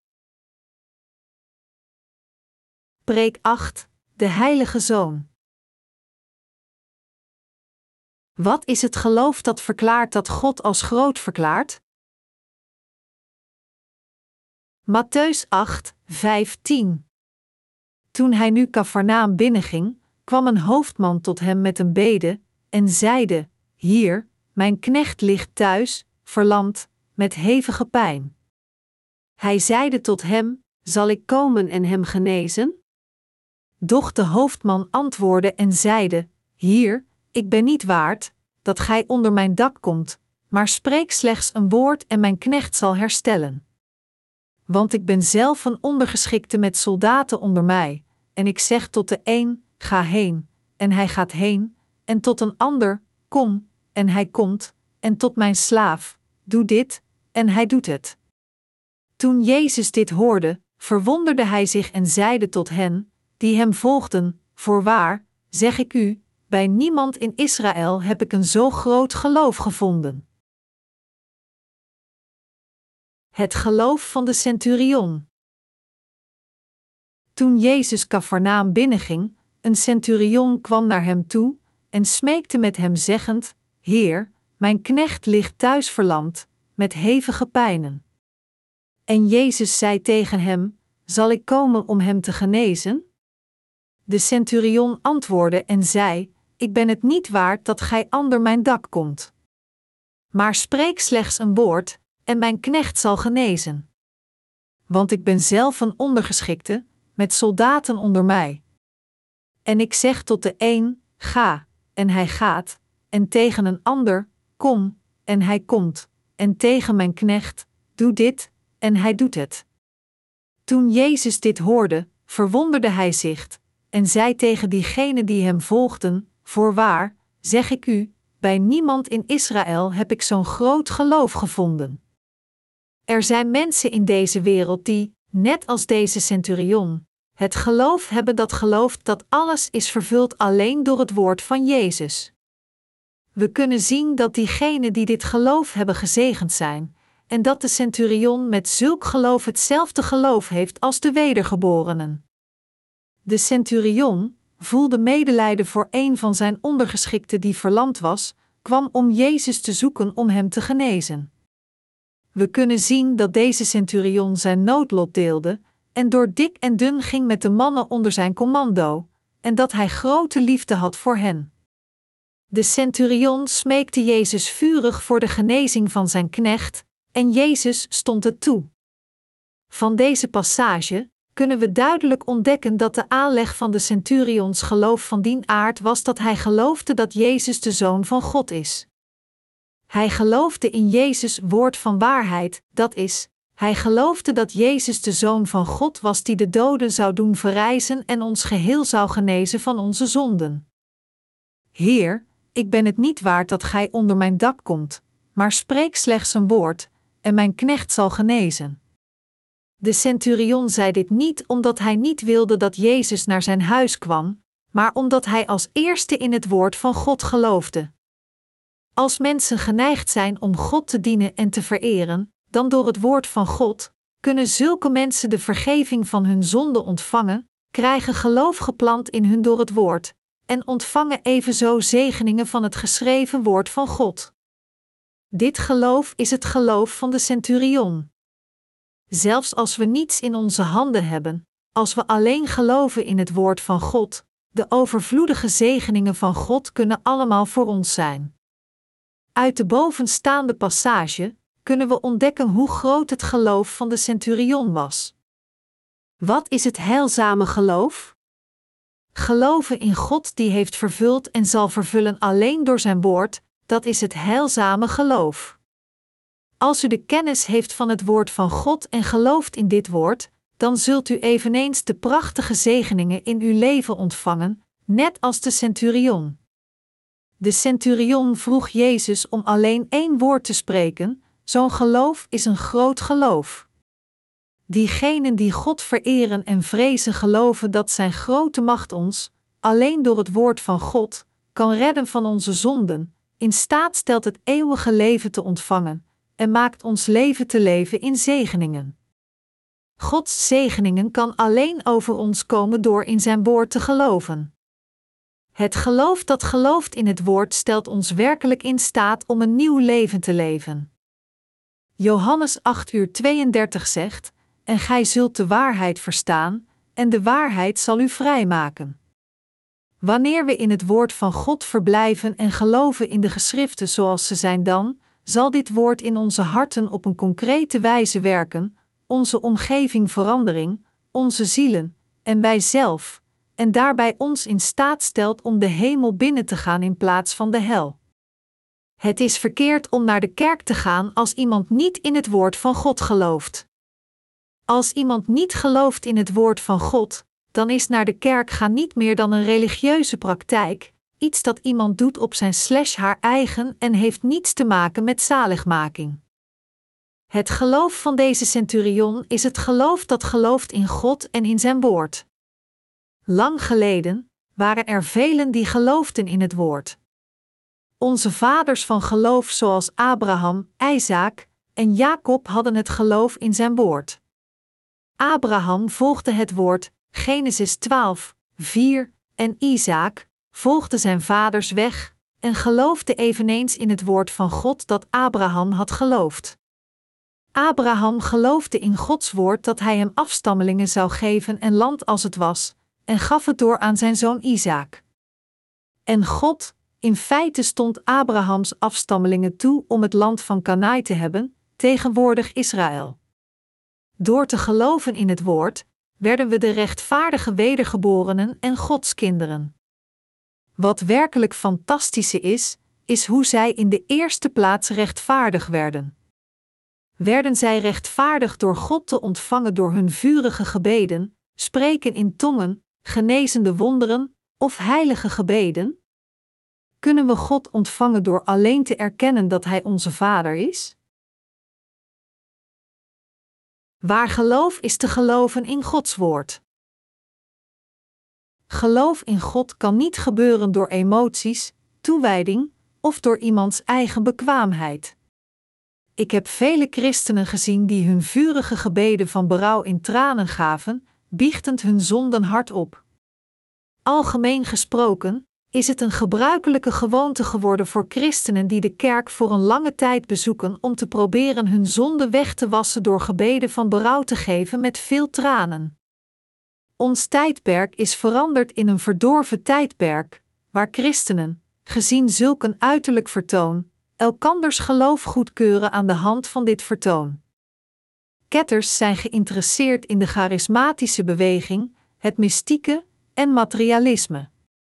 En ze zijn geneigd tot vervolging van zo'n foutieve neigingen onstuimig en wanhopig. Maar al hun volgelingen, terwijl zij kortstondige troost en voldoening krijgen uit zo'n geloof, kunnen niet anders maar vervolgen hun leven verwarend met lege harten. Dit kan het bewijs zijn dat zulke mensen niet zijn wedergeboren, noch de Heilige Geest hebben ontvangen, verder weinig geloof in het woord van God. Geloven in Jezus is geloven in het woord van God. Jezus zei dat het geloof van de centurion groot was. Laten we eens uitzoeken waarom hij dat zei.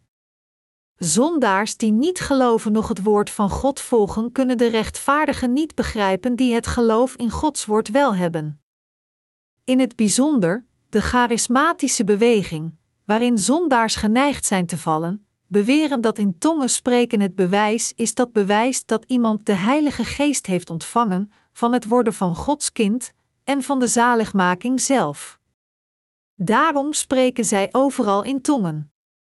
Maar de meeste christenen die beweren in tongen te spreken, spreken werkelijk met valse tongen.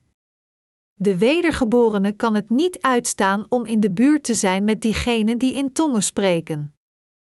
Satan werkt zo bedrieglijk in de charismatische beweging dat diegenen die geloven in bovennatuurlijke visioenen en machten, en diegenen die zoeken naar tekenen na de dood, wonderen en visioenen afgezonderd van het geloof in het woord van God, kunnen niet in de buurt komen van het geloof dat de centurion had.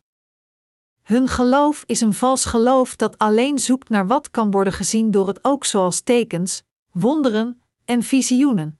En dat is principieel verschillend van het geloof van de centurions. Geloof was van die aard dat gelooft in alles wat Jezus Christus zei, erkennend, maar spreek alleen een woord, en mijn knecht zal genezen worden gelovend dat wat God ook zegt dienovereenkomstig zal worden vervuld. Met andere woorden, is het geloof van de centurion.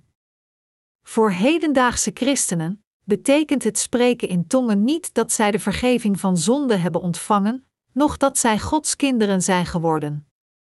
Ook betekent het niet dat het zien van visioenen dat ze daardoor wedergeboren zijn, noch het beweren van spirituele gaven betekent dat zij het wedergeborene geloof hebben. Strikt gesproken, het is omdat zo'n mensen geen geloof hebben dat hun vasthoudt aan mystieke dingen. Deze dingen worden gegeven door Satan.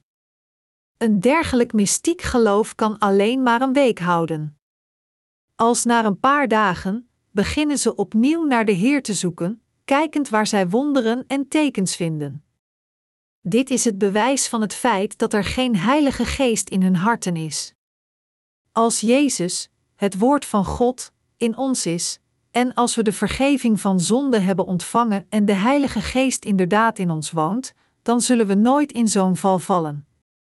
Nog kunnen we ooit met hun werken, want we zijn principieel onverenigbaar met hun, en, boven alles, ons zaad is echt anders dan dat van hun. Het geloof van de centurion is hetzelfde als dat van ons. De genade van God dat Hij verleend heeft aan ons is zo groot dat Hij ons heeft toegestaan, anders dan diegenen die tekens en wonderen vervolgen, om Zijn woord en geloof te volgen. Ik kan Hem daarvoor alleen danken. Geloof hebben en rechtvaardig worden komt alleen door te geloven in het woord van God. Wanneer zondaars hun eigen gedachten ontkennen, openbaart hun ware ik voor het woord van God, nederig luisterend naar wat het woord hun vertelt, en waarlijk erin geloven, dan kunnen ze rechtvaardig worden. Dit is de kracht van God en de kracht van Zijn woord. Ze kunnen daarbij het koninkrijk van de hemel binnengaan en Gods eigen kinderen worden. we kunnen gezegende levens leven in voldoening en vreugde.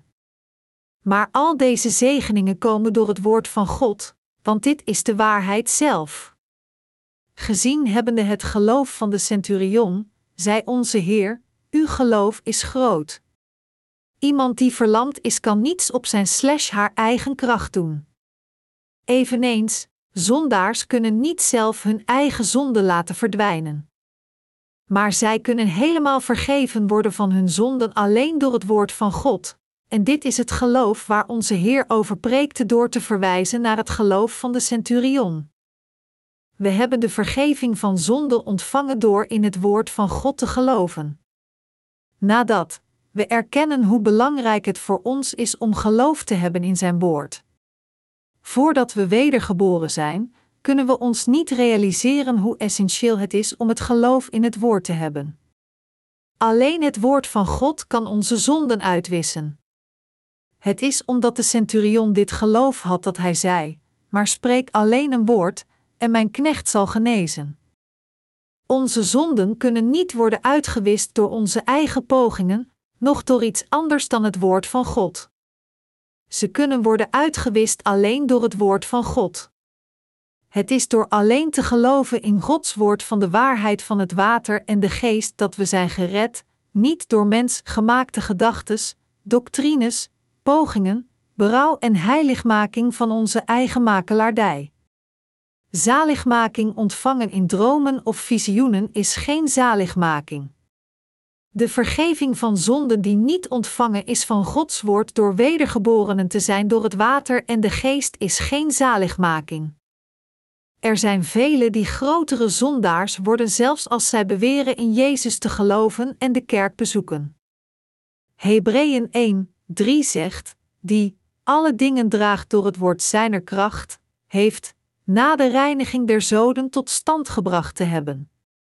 De reden waarom zulke mensen zelfs meer zondig worden en niet bevrijd worden van hun zonde ondanks hun geloof in Jezus is omdat zij het woord van God niet precies kennen.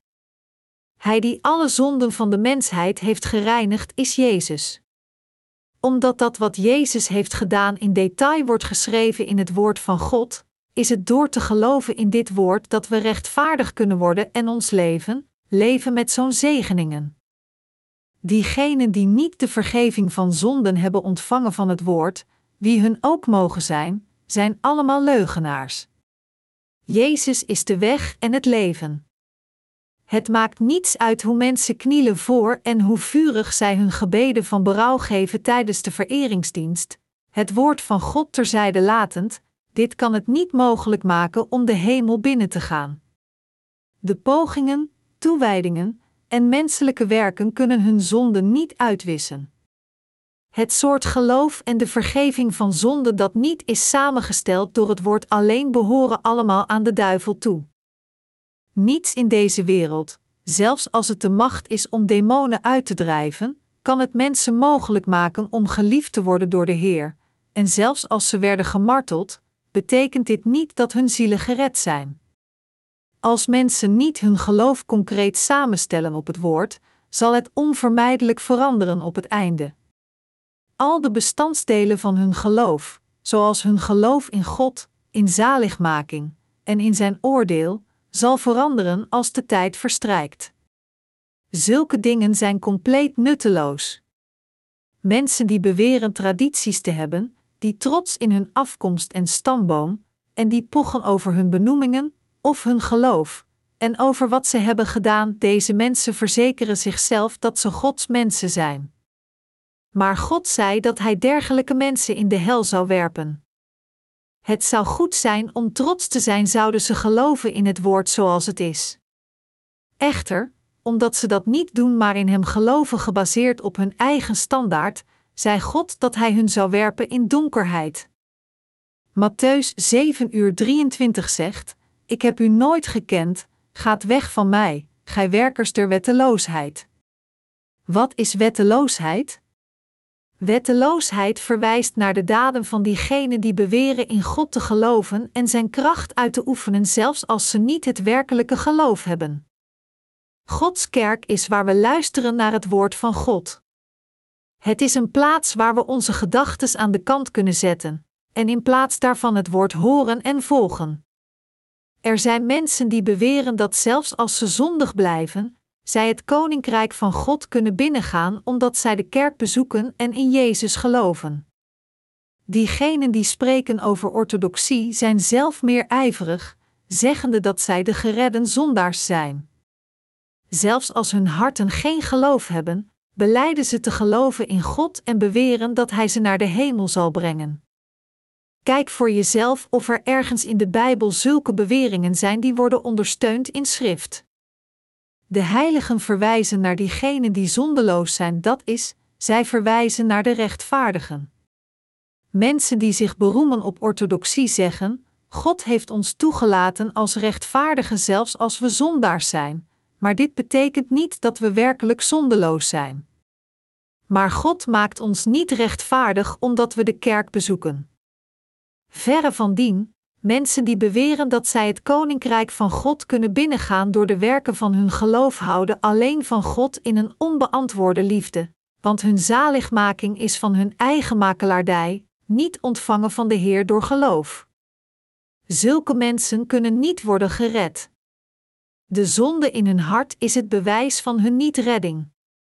Al wie hun zonden in het hart hebben gegrift, zelfs als hij slash zij in de Heer geloven, zal in de hel worden gegooid.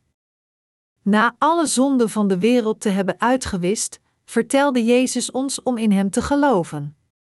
God is blij met diegenen die in Jezus geloven, zijn bevrijd van hun zonden en zijn de rechtvaardigen geworden. God heeft de hemel voorbereid voor de rechtvaardigen. Heer, ik geloof dat u al mijn zonden wegnam. Maar alstublieft was deze zonden die ik heb weg. Vergeef me alstublieft voor deze zonden. Als iemand bidt op deze manier, dan kan dit alleen betekenen dat hij slash zij niet echt gelooft in Gods evangelie en is alleen maar God in een leugenaar aan het veranderen. Diegenen die zichzelf veroordelen zelfs als zij in Jezus geloven, zijn niets meer dan ketters. We moeten ons goed realiseren dat er geen veroordeling is in Jezus Christus, Romeinen 8, 1. De zondaar kan niet de zonden van een anderen zondaar uitwissen met het woord, maar zij maken uiteindelijk alleen zondaars van hun die in Jezus op de een of andere manier geloven, net als zij zelf. Maar diegenen die de vergeving van hun zonden hebben ontvangen, kunnen dat wel, omdat het krachtige woord van de vergeving van zonde in hun is, leiden ze zondaars ook naar het zondeloos worden. Dit is hoe we rechtvaardig worden door in Jezus te geloven. Zegeningen zijn om wedergeboren te worden door het woord van God. Zegeningen zijn o de spirituele leider te volgen en om samen te komen in het bedienen van de kerk en het verspreiden van het evangelie van de vergeving van zonde aan de zielen. De centurion, ofschoon hij niet joods was, geloofde in het woord van God zoals het was. Hij was dus gered en werd een perfect en rechtvaardig persoon. In tegenstelling, diegenen die trots zijn op zichzelf zoals orthodoxe Joden waren verdorven, omdat zij Jezus niet juist kennen. Welke is juist? Geloof in het woord maakt het voor ons mogelijk zich te verwijderen van een leven met zonde naar een leven van zaligmaking, en het staat ons toe om te worden gezegend door heel het woord. Geloven in God is geloven in Hem en Zijn woord. Het was omdat de centurion het geloof had dat God groot verklaarde. Zulk geloof is in ons door de genade van God, omdat we geloven dat Zijn woord is en zal worden vervuld precies zoals het is. Voor mensen die nog steeds niet dit geloof hebben van de centurion, als zij alleen zouden geloven in het woord van God, door dit geloof zullen zij worden zoals de centurion. Het geloof dat het meest goedgekeurd is door God is hetgene dat gelooft in wat God heeft gezegd zoals het is. Geloven in God die ons zondeloos heeft gemaakt, is het geloof van de centurion. Preek 9, de Heilige Zoon. Welk offer heeft Mozes voorgeschreven om te getuigen? Matthäus 8, 1-4 Nadat hij nu van de berg was afgedaald, volgden hem vele scharen.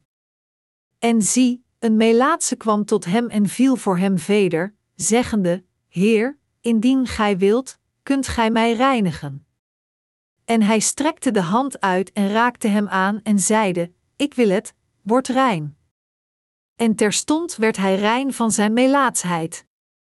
En Jezus zeide tot hem: Zie toe, dat gij het aan niemand zegt, maar ga heen, toon u aan de priester en offer de gave, die Mozes heeft voorgeschreven, hun tot een getuigenis.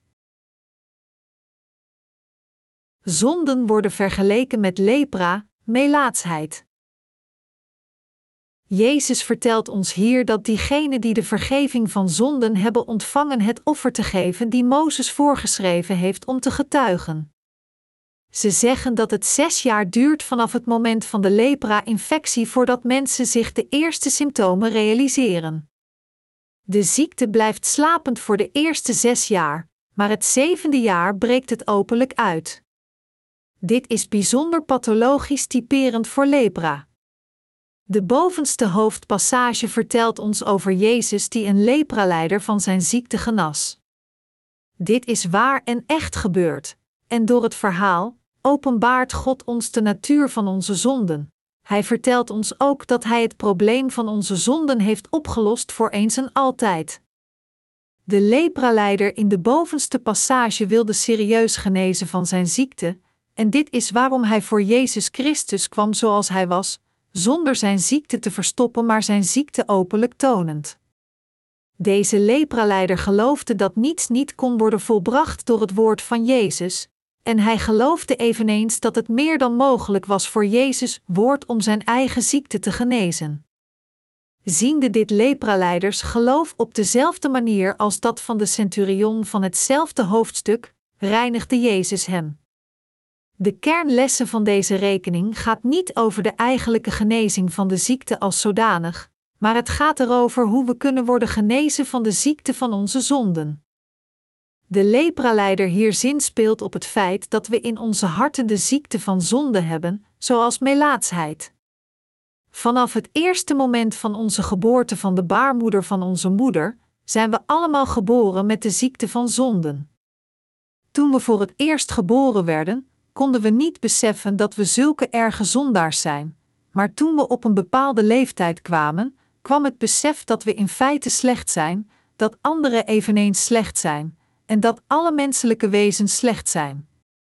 Maar God vertelt ons, door de bovenste passage, dat als deze volkomen slechte menselijke wezens naar Jezus komen en hun ware zelf openbaart zonder zich te verstoppen, en als ze het geloof hebben dat zegt: Als u gewillig bent, ik geloof dat u meer dan capabel bent om een zondig wezen zoals ik te reinigen, zal Jezus hun inderdaad graag van hun zonde genezen. Heeft de Heer de lepraleider in een keer of in twee keer genezen?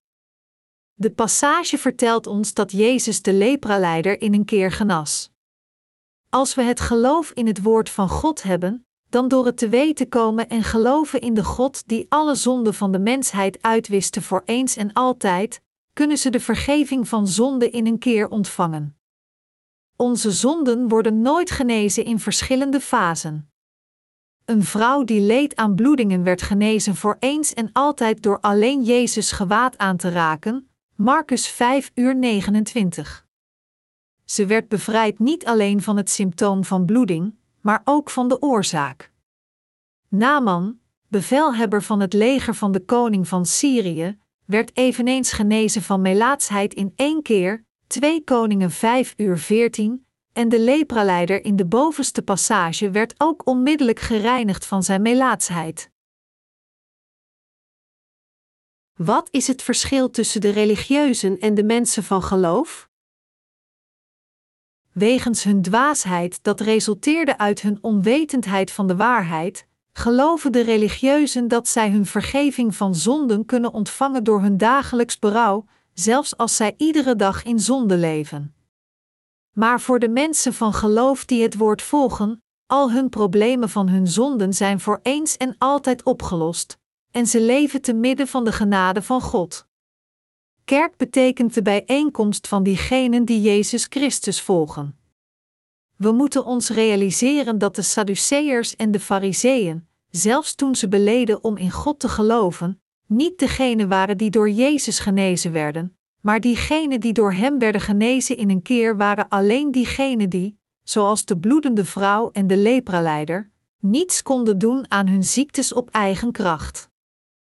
Als het voor ons mogelijk was om het probleem van zoden in onze harten op te lossen door onze eigen werken, gebeden van berouw en goede daden, dan zou er inderdaad geen reden voor Jezus zijn geweest om naar de aarde te komen. En als we geloven dat we het probleem van zonde op deze manier kunnen oplossen, zullen we nooit in staat zijn om Jezus te ontmoeten voor de rest van ons leven. Maar het probleem van onze zonden kan niet opgelost worden en het maakt niet uit wat we doen en hoe hard we proberen. En we zijn zulke wezens die niet anders kunnen dan zondigen ongeacht wat we proberen om dat niet te doen. Omdat onze zonden niet verdwijnen, maakt het niets uit hoeveel we berouwen. We moeten ons duidelijk realiseren dat we het probleem van zonde niet kunnen laten verdwijnen door onze eigen kracht en voor God beleiden dat we zondaars zijn. We moeten ons eveneens de waarheid realiseren dat wanneer we dus beleiden: Ik ben een zondaar voor God, niet uit nederigheid noch uit leerstellige veroordeling, maar van onze oprechte harten. En wanneer we voor Gods aanwezigheid komen en vragen voor Zijn barmhartigheid, zal Hij al onze problemen in een keer oplossen, net zoals Hij de lepraleider heeft genezen. Alleen diegenen die zichzelf voor God openbaren als complete zondaars, en voor zijn barmhartigheid vragen en aan hem beleiden: Ik kan het niet vermijden om in de hel te worden gegooid, omdat ik zondig ben. Heer, heb alstublieft genade met mij. Alleen zulke mensen kunnen de genade van God ontvangen. Romeinen 3 uur 10 verklaart: Er is niemand rechtvaardig, nee, nieten. Dit vers is wat de apostel Paulus sprak tegen diegene die nog niet de vergeving van zonden had ontvangen. Kwam Jezus niet naar deze wereld om de zondaars rechtvaardig te maken? Er bestaat niet iets zoals halfgemaakte vergeving van zonden, nog is er enige halve gerechtigheid. Echter, jammer genoeg, zijn er zoveel vreemde mensen in het hedendaagse christendom.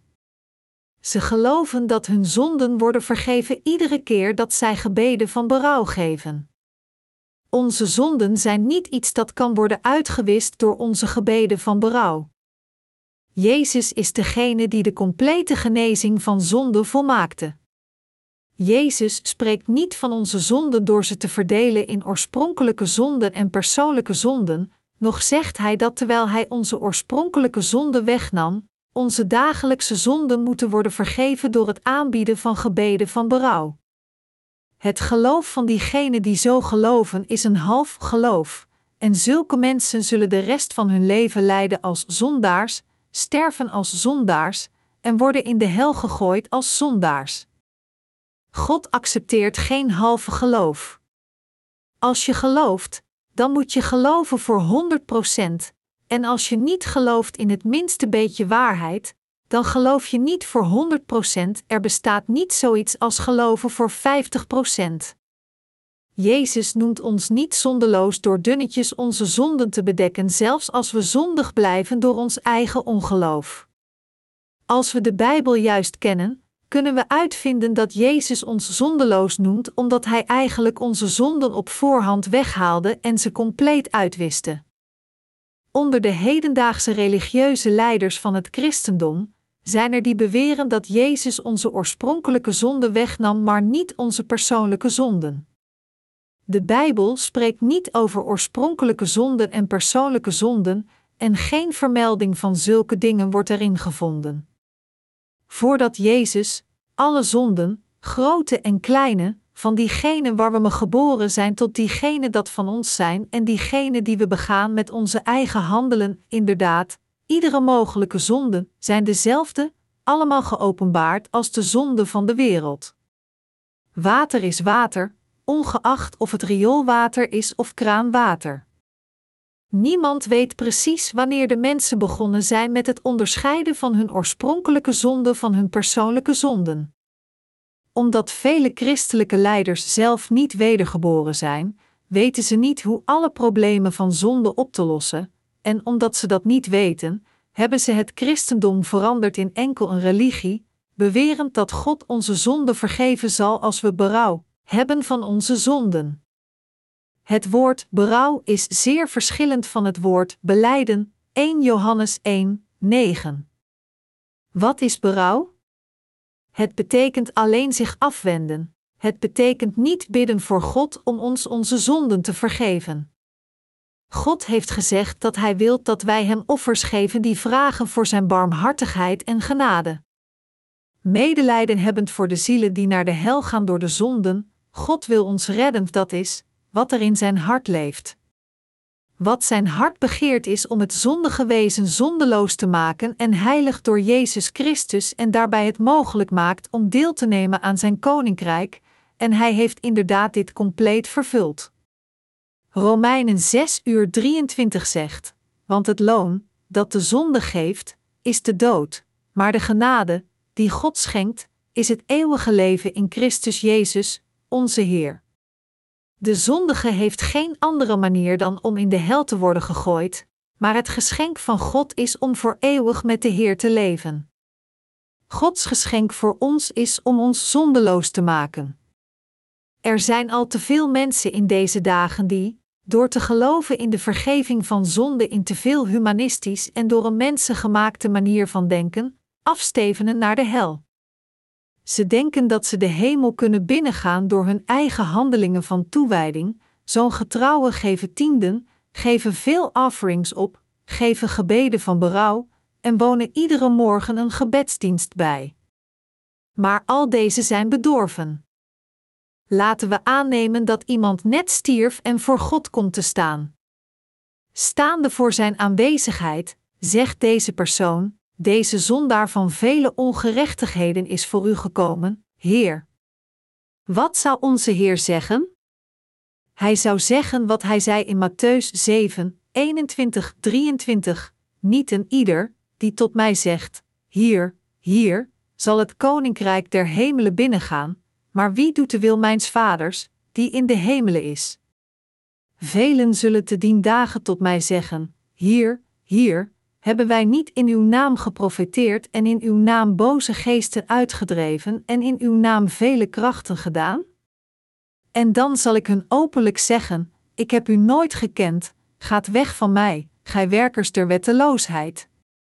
God is niet de vader van zondaars, noch de Heer van de zondigen, maar de Vader van de rechtvaardigheid en de Heer van de wedergeborenen die de vergeving van zonden hebben ontvangen.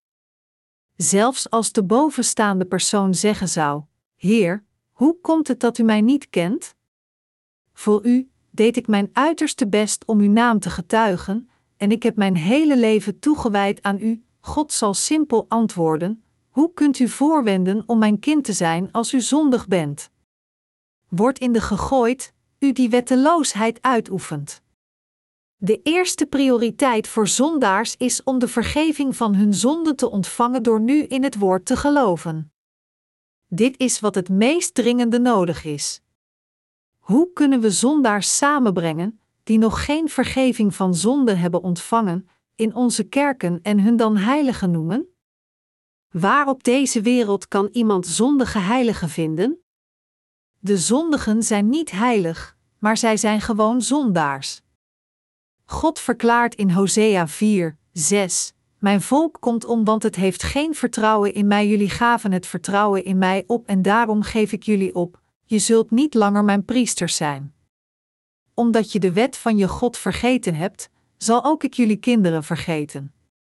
God kennen is de grondslag van kennis, en toch kunnen menselijke wezens niet zijn gedachten lezen, nog hun eigen kennis neerzetten, zoals de toren van Babel, maar zij wijden zelfs meer pogingen aan hun eigen handelingen en daden toe. Dit is waarom God zegt: Ik ken u niet. We kunnen alleen zondeloos worden gemaakt door zuiver in het woord te geloven, voor 100% We moeten het geloof hebben dat alles compleet toevertrouwd is aan God, zeggend: U kunt mij rein maken. Het geloof van de zogenaamde stijgende heiligmaking, welke beweert dat God ons trapsgewijs reinigt, is niet het geloof van ware zaligmaking.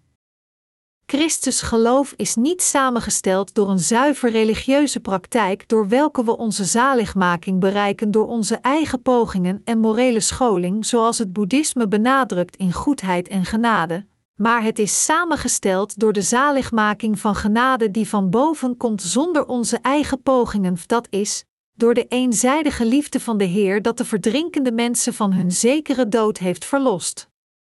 Net als de lepraleider ogenblikkelijk werd genezen door de liefde en macht van onze Heer, wij, ook, kunnen eveneens worden gered van onze zonde in onze harten door deze liefde en macht van de Heer.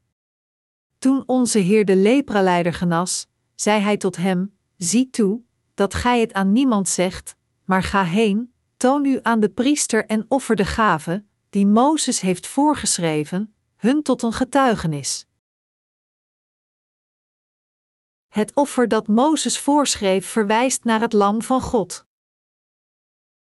Leviticus 1, 1-4 zegt: De Heer riep Mozes en gaf hem vanuit de ontmoetingstent aanwijzingen voor het brengen van de offers. Hij droeg hem op de Israëlieten het volgende over te brengen: Wanneer iemand de Heer een dier wil aanbieden uit zijn veestapel, dan kan hij daarvoor een rund nemen, ofwel een schaap of een geit. Wil hij een rund als brandoffer brengen, dan moet hij een mannelijk dier nemen zonder enig gebrek en dat bij de ingang van de ontmoetingstent aanbieden, dan zal de Heer het aanvaarden. Hij moet zijn hand op de kop van het offerdier leggen, dan zal de Heer het welwillend aannemen en hem zijn zonde vergeven. We kunnen zien van vers 2 dat het offer dat Mozes voorschreef een veestapel is, ofwel van de kudde of de troep. Nadat hij zijn wet aan de mensheid had gegeven, toonde God hun het tabernakel ten einde om hun in staat te stellen zich te realiseren dat zij zondaars waren. Door het offersysteem van dit tabernakel heeft Hij ons geleerd hoe Hij alle zonden van de Israëlieten zou doorgeven en onze eigen zonde eveneens naar het offerlam en ons daarbij te vergeven. God houdt van ons, en om ons van onze zonde te redden, bereidde Hij het offersysteem van de offergave voor die plaatsvervangend in onze plaats moest sterven. Dit is het offersysteem van het lam en de stier. Als priesters hun handen op het hoofd van het brandoffer leggen, het offer was geaccepteerd door God, dan doet dit offer boete voor ons. Wanneer mensen het opleggen van handen van iemand ontvangen die bezeten door de duivel is, dan worden zij eveneens door de duivel bezeten. Het opleggen van handen betekent het doorgeven van, toen de hoge priester zijn handen op het hoofd van de geit legde, werden de zonden van Israël doorgegeven aan zijn hoofd, Leviticus 16 uur 21.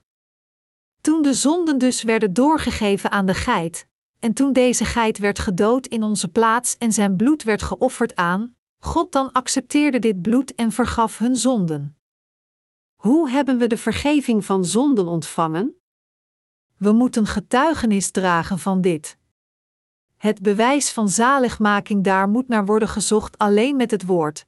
Het is geen bewijs door het zien van visioenen, profeteren of het spreken in tongen. Het is alleen met het woord van God dat we kunnen bewijzen hoe we zondaars zijn geweest en hoe we zijn gered van alle zonden. Deze bewijzen dragen getuigenis voor God, voor Satan en voor menselijke wezens. Leviticus 4, 27, 31. Wanneer iemand uit het volk zondigt tegen de voorschriften van de Heer en daarmee zonder opzet schuld op zich laat, dan moet hij, zodra hij er weet van heeft, een geit zonder enig gebrek als offer voor zijn zonde aanbieden. Hij moet zijn hand op de kop van het dier leggen en het slachten op de plaats waar men de dieren voor het brandoffer slacht.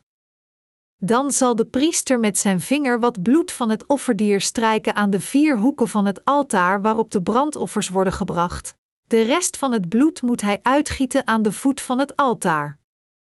Al het vet van de geit zal hij eruit halen, precies zoals bij de dieren voor de heilige offermaaltijd. Op het altaar zal hij het verbranden als een geurige offergave, die de Heer met genoegen aanvaardt. Zo zal de priester alles weer in het reine brengen en wordt hem zijn zonde vergeven. Als de gewone mensen of priesters onopzettelijk zondigen, brachten zij een lam, geven hun zonde aan het door, door het opleggen van hun handen op het hoofd, en dan offert men het aan God. Het opleggen van handen betekent het doorgeven van zonden, en offeren betekent plaatsvervangend sterven in iemand anders zijn plaats. Door de dagelijkse offeringen toont God ons dat Jezus naar deze aarde kwam, en net als deze lammeren en geiten, accepteerde hij al de dagelijkse zonden die doorgegeven werden aan hem door Johannes de Doper. Al de mensen van Israël in het Oude Testament ontvingen de vergeving van hun zonden door in dit te geloven. Toen zij onopzettelijk zondigen, hun zonden herkennend door de wet, brachten zij onmiddellijk een lam en beleden hun zonde door het opleggen van handen op het hoofd. De priesters accepteerden dan deze offering, sneed zijn keel open, tapte zijn bloed af, deed het bloed op de hoorns van het altaar van het brandoffer en sprenkelde dan de rest op de grond en het altaar. Dit is hoe de Israëlieten hun vergeving van zonde ontvingen. De hoorns van het altaar van het brandoffer verwijst naar het boek van daden, dat is, het boek van oordeel. Telkens wanneer we zondigen, schrijft God onze zonden in het boek van oordeel in zijn koninkrijk, en hij schrijft ze eveneens in onze harten. Omdat menselijke wezens zo schaamteloos zijn en zelfs proberen God te bedriegen, tekent hij hun zonde in het boek van daden en hun eigen harten op. Dit is waarom als diegenen die de vergeving van zonde niet hebben ontvangen bidden, de zonde in hun harten uitkomen, en ze komen om te bidden: Heer, alstublieft vergeef deze zondaar. Daarom moeten we weten hoe Jezus, gekomen naar deze wereld, al onze dagelijkse zonden doorgegeven aan Hem accepteerde. Alleen dan kunnen we bevrijd worden van onze zonden. Als de mensen van Israël zondigheden, brachten zij een lam, gaven hun zonde door aan zijn hoofd door het opleggen van handen, en werden daarbij vereven voor hun zonden. De priester doodde dan dit lam en deed zijn bloed op de hoorns van het altaar van het brandoffer. Bloed is het leven van alle vlees, Leviticus 17 uur 14.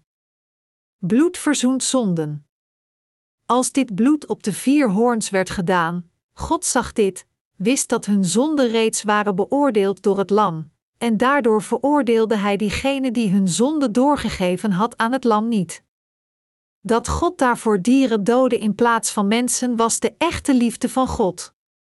Als mensen zondigen, gaan ze zeker dood, maar omdat God van ze houdt, heeft Hij dieren laten doden in hun plaats. Dit was de dagelijkse offering ingesteld door de God van gerechtigheid.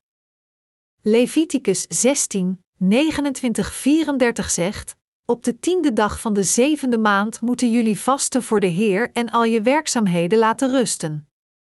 Dit is een blijvende bepaling voor jezelf en voor de vreemdelingen die bij jullie wonen.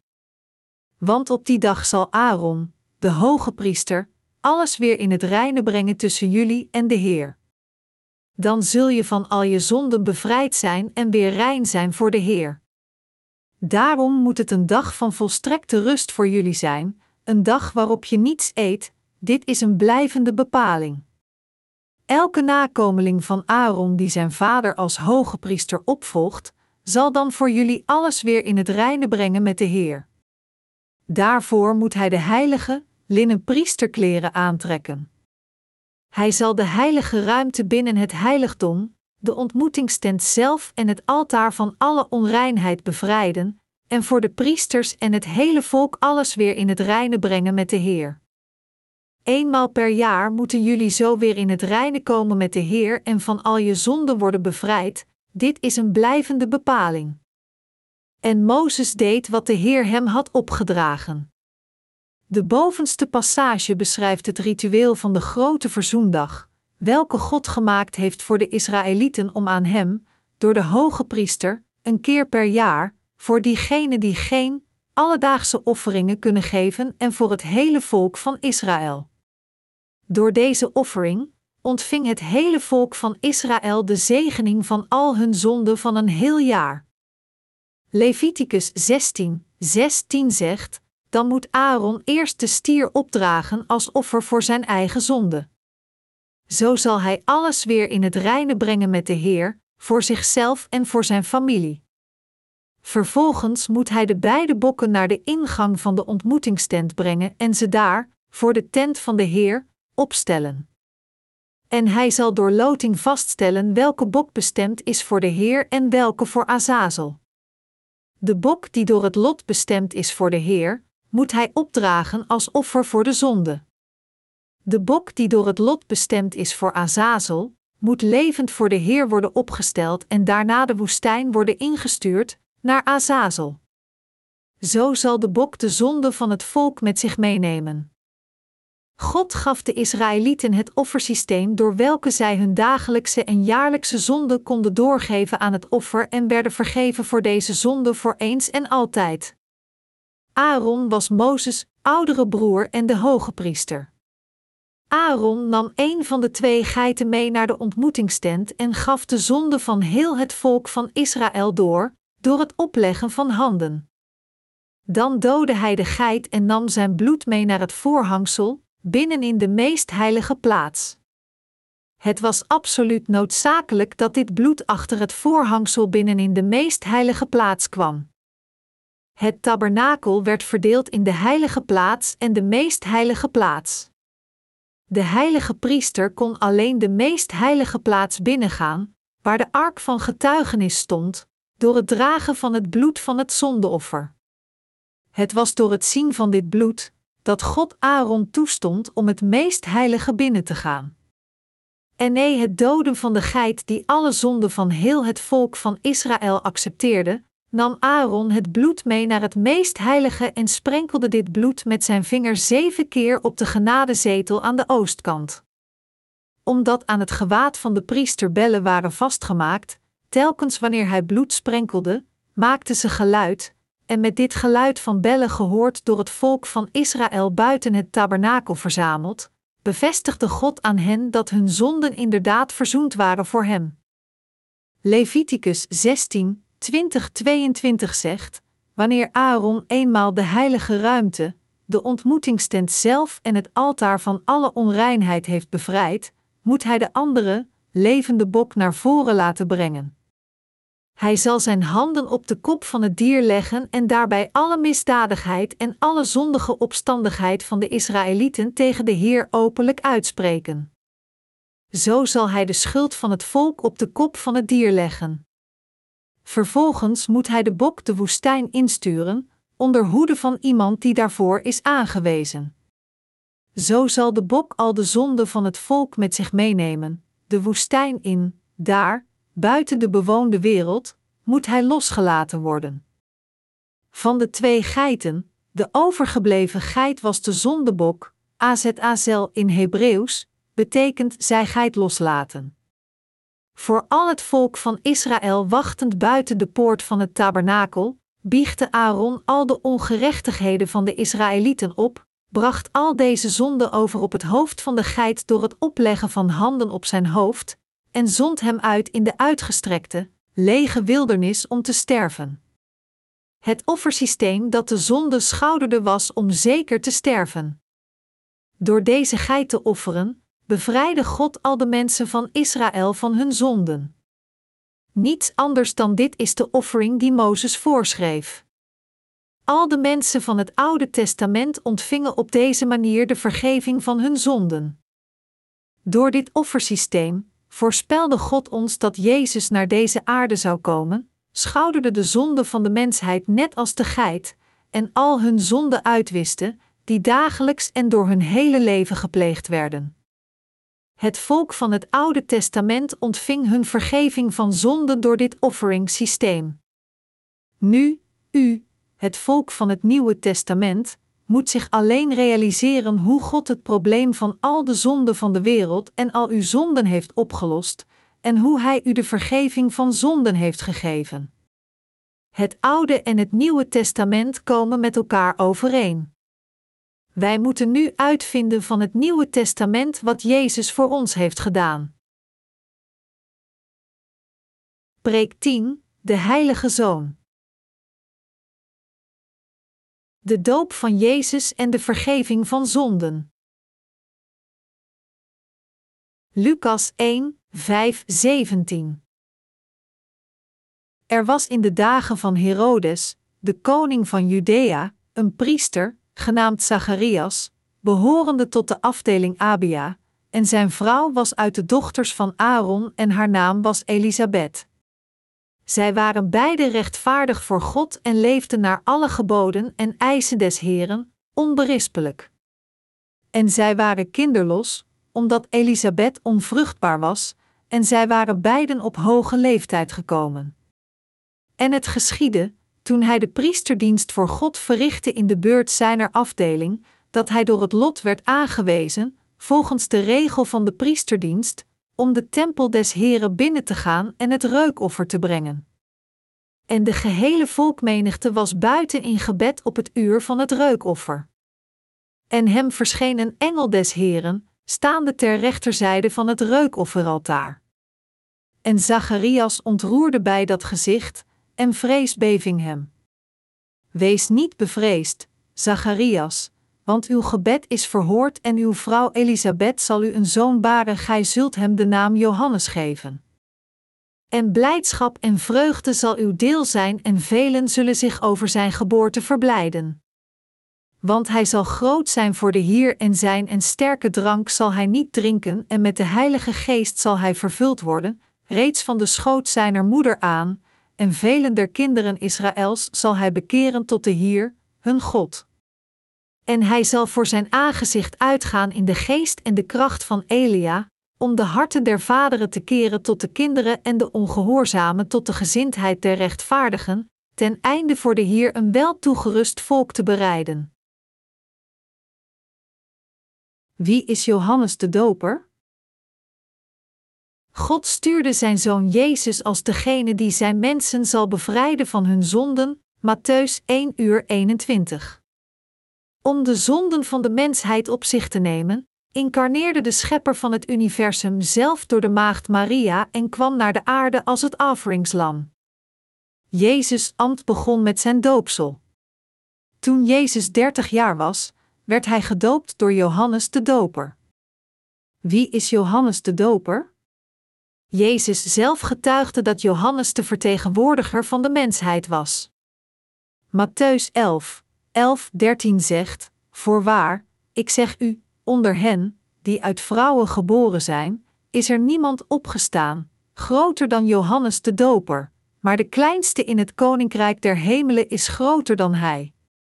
Sinds de dagen van Johannes de Doper tot nu toe breekt het koninkrijk der hemelen zich baan met geweld en geweldenaars grijpen ernaar. Want al de profeten en de wet hebben geprofeteerd tot Johannes toe, en indien gij het wilt aanvaarden, hij is Elia, die komen zou. Jezus zei dat onder diegenen die geboren zijn uit vrouwen er niet een was die groter is dan Johannes de Doper. De ene, die groter was dan alle profeten van deze aarde, zoals Isaiah, Ezekiel en Habakuk, en groter zelfs dan Mozes van het Oude Testament, was geen ander dan Johannes de Doper, de vertegenwoordiger van heel de mensheid. In het Oude Testament werden de uitverkorenen van de mannelijke afstammelingen van Aaron gezalfd tot hoge priesters. Zoals de hoge priesters die de zonde van het volk van Israël overgaven aan de geiten door het opleggen van hun handen op de hoofden als de vertegenwoordigers van de Israëlieten, om al de zonden van de mensheid uit te wissen, moest God Johannes de Doper doen verrijzen als de vertegenwoordiger van heel de mensheid om hem de zonde van de wereld te laten overbrengen. God stuurde Johannes de Doper naar deze aarde als de laatste profeet. En de laatste hoge priester was niemand anders dan Johannes de Doper. Als God ervoor zorgde dat de zonden van heel het volk van deze wereld alleen door de afstammeling van Aaron werden doorgegeven, koos hij een afstammeling van Aaron zoals beloofd, dat is, Johannes de Doper, de grootste van al diegenen die ooit geboren is uit een vrouw en stuurde hem naar deze wereld zes maanden vroeger dan Jezus om veel mensen te bekeren tot, en hij zal voor zijn aangezicht uitgaan in de geest en de kracht van Elia, om de harten der vaderen te keren tot de kinderen en de ongehoorzamen tot de gezindheid der rechtvaardigen, ten einde voor de Heer een wel toegerust volk te bereiden. Lucas 1 uur 17. Op deze manier, liet God Johannes de Doper verrijzen als de vertegenwoordiger van de mensheid, en door hem gaf God onze zonden door aan Jezus. Johannes de Doper kwam voor Jezus als een getuigen, en van het woord moeten we uitvinden hoe hij getuigenis droeg. Zoals Aaron de zonden van het volk van Israël doorgaf aan de geit op de grote verzoendag, doopte Johannes de Doper Jezus Christus en daardoor gaf hij al de zonden van de mensheid aan hem door. Het getuigt naar ons hoe al onze zonden werden uitgewist. Het mysterie van Jezus doopsel. Zoals voorheen vermeld, werd Jezus gedoopt door Johannes de Doper, zoals beschreven in Matthäus 3, 13, 17. Omdat mensen in het algemeen worden gedoopt zonder precies te weten wat het betekent, wordt het doopsel onverschillig uitgedeeld aan wie dan ook die de tien geboden van buiten kent, belooft om de dag van de Heer te eren, en die gewillig is de Heer Jezus als zijn slash haar redder te erkennen. Diegenen die zijn gedoopt let een duidelijk begrip van de ware betekenis van dit doopsel zijn extreem zeldzaam.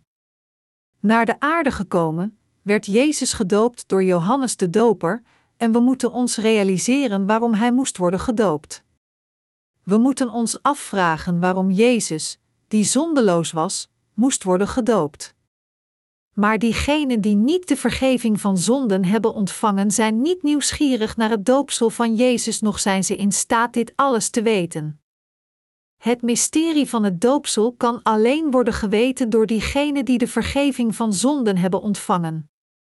Jezus is de hoge priester van het koninkrijk van de hemel. En Johannes de Doper is de vertegenwoordiger en hoge priester van de hele mensheid.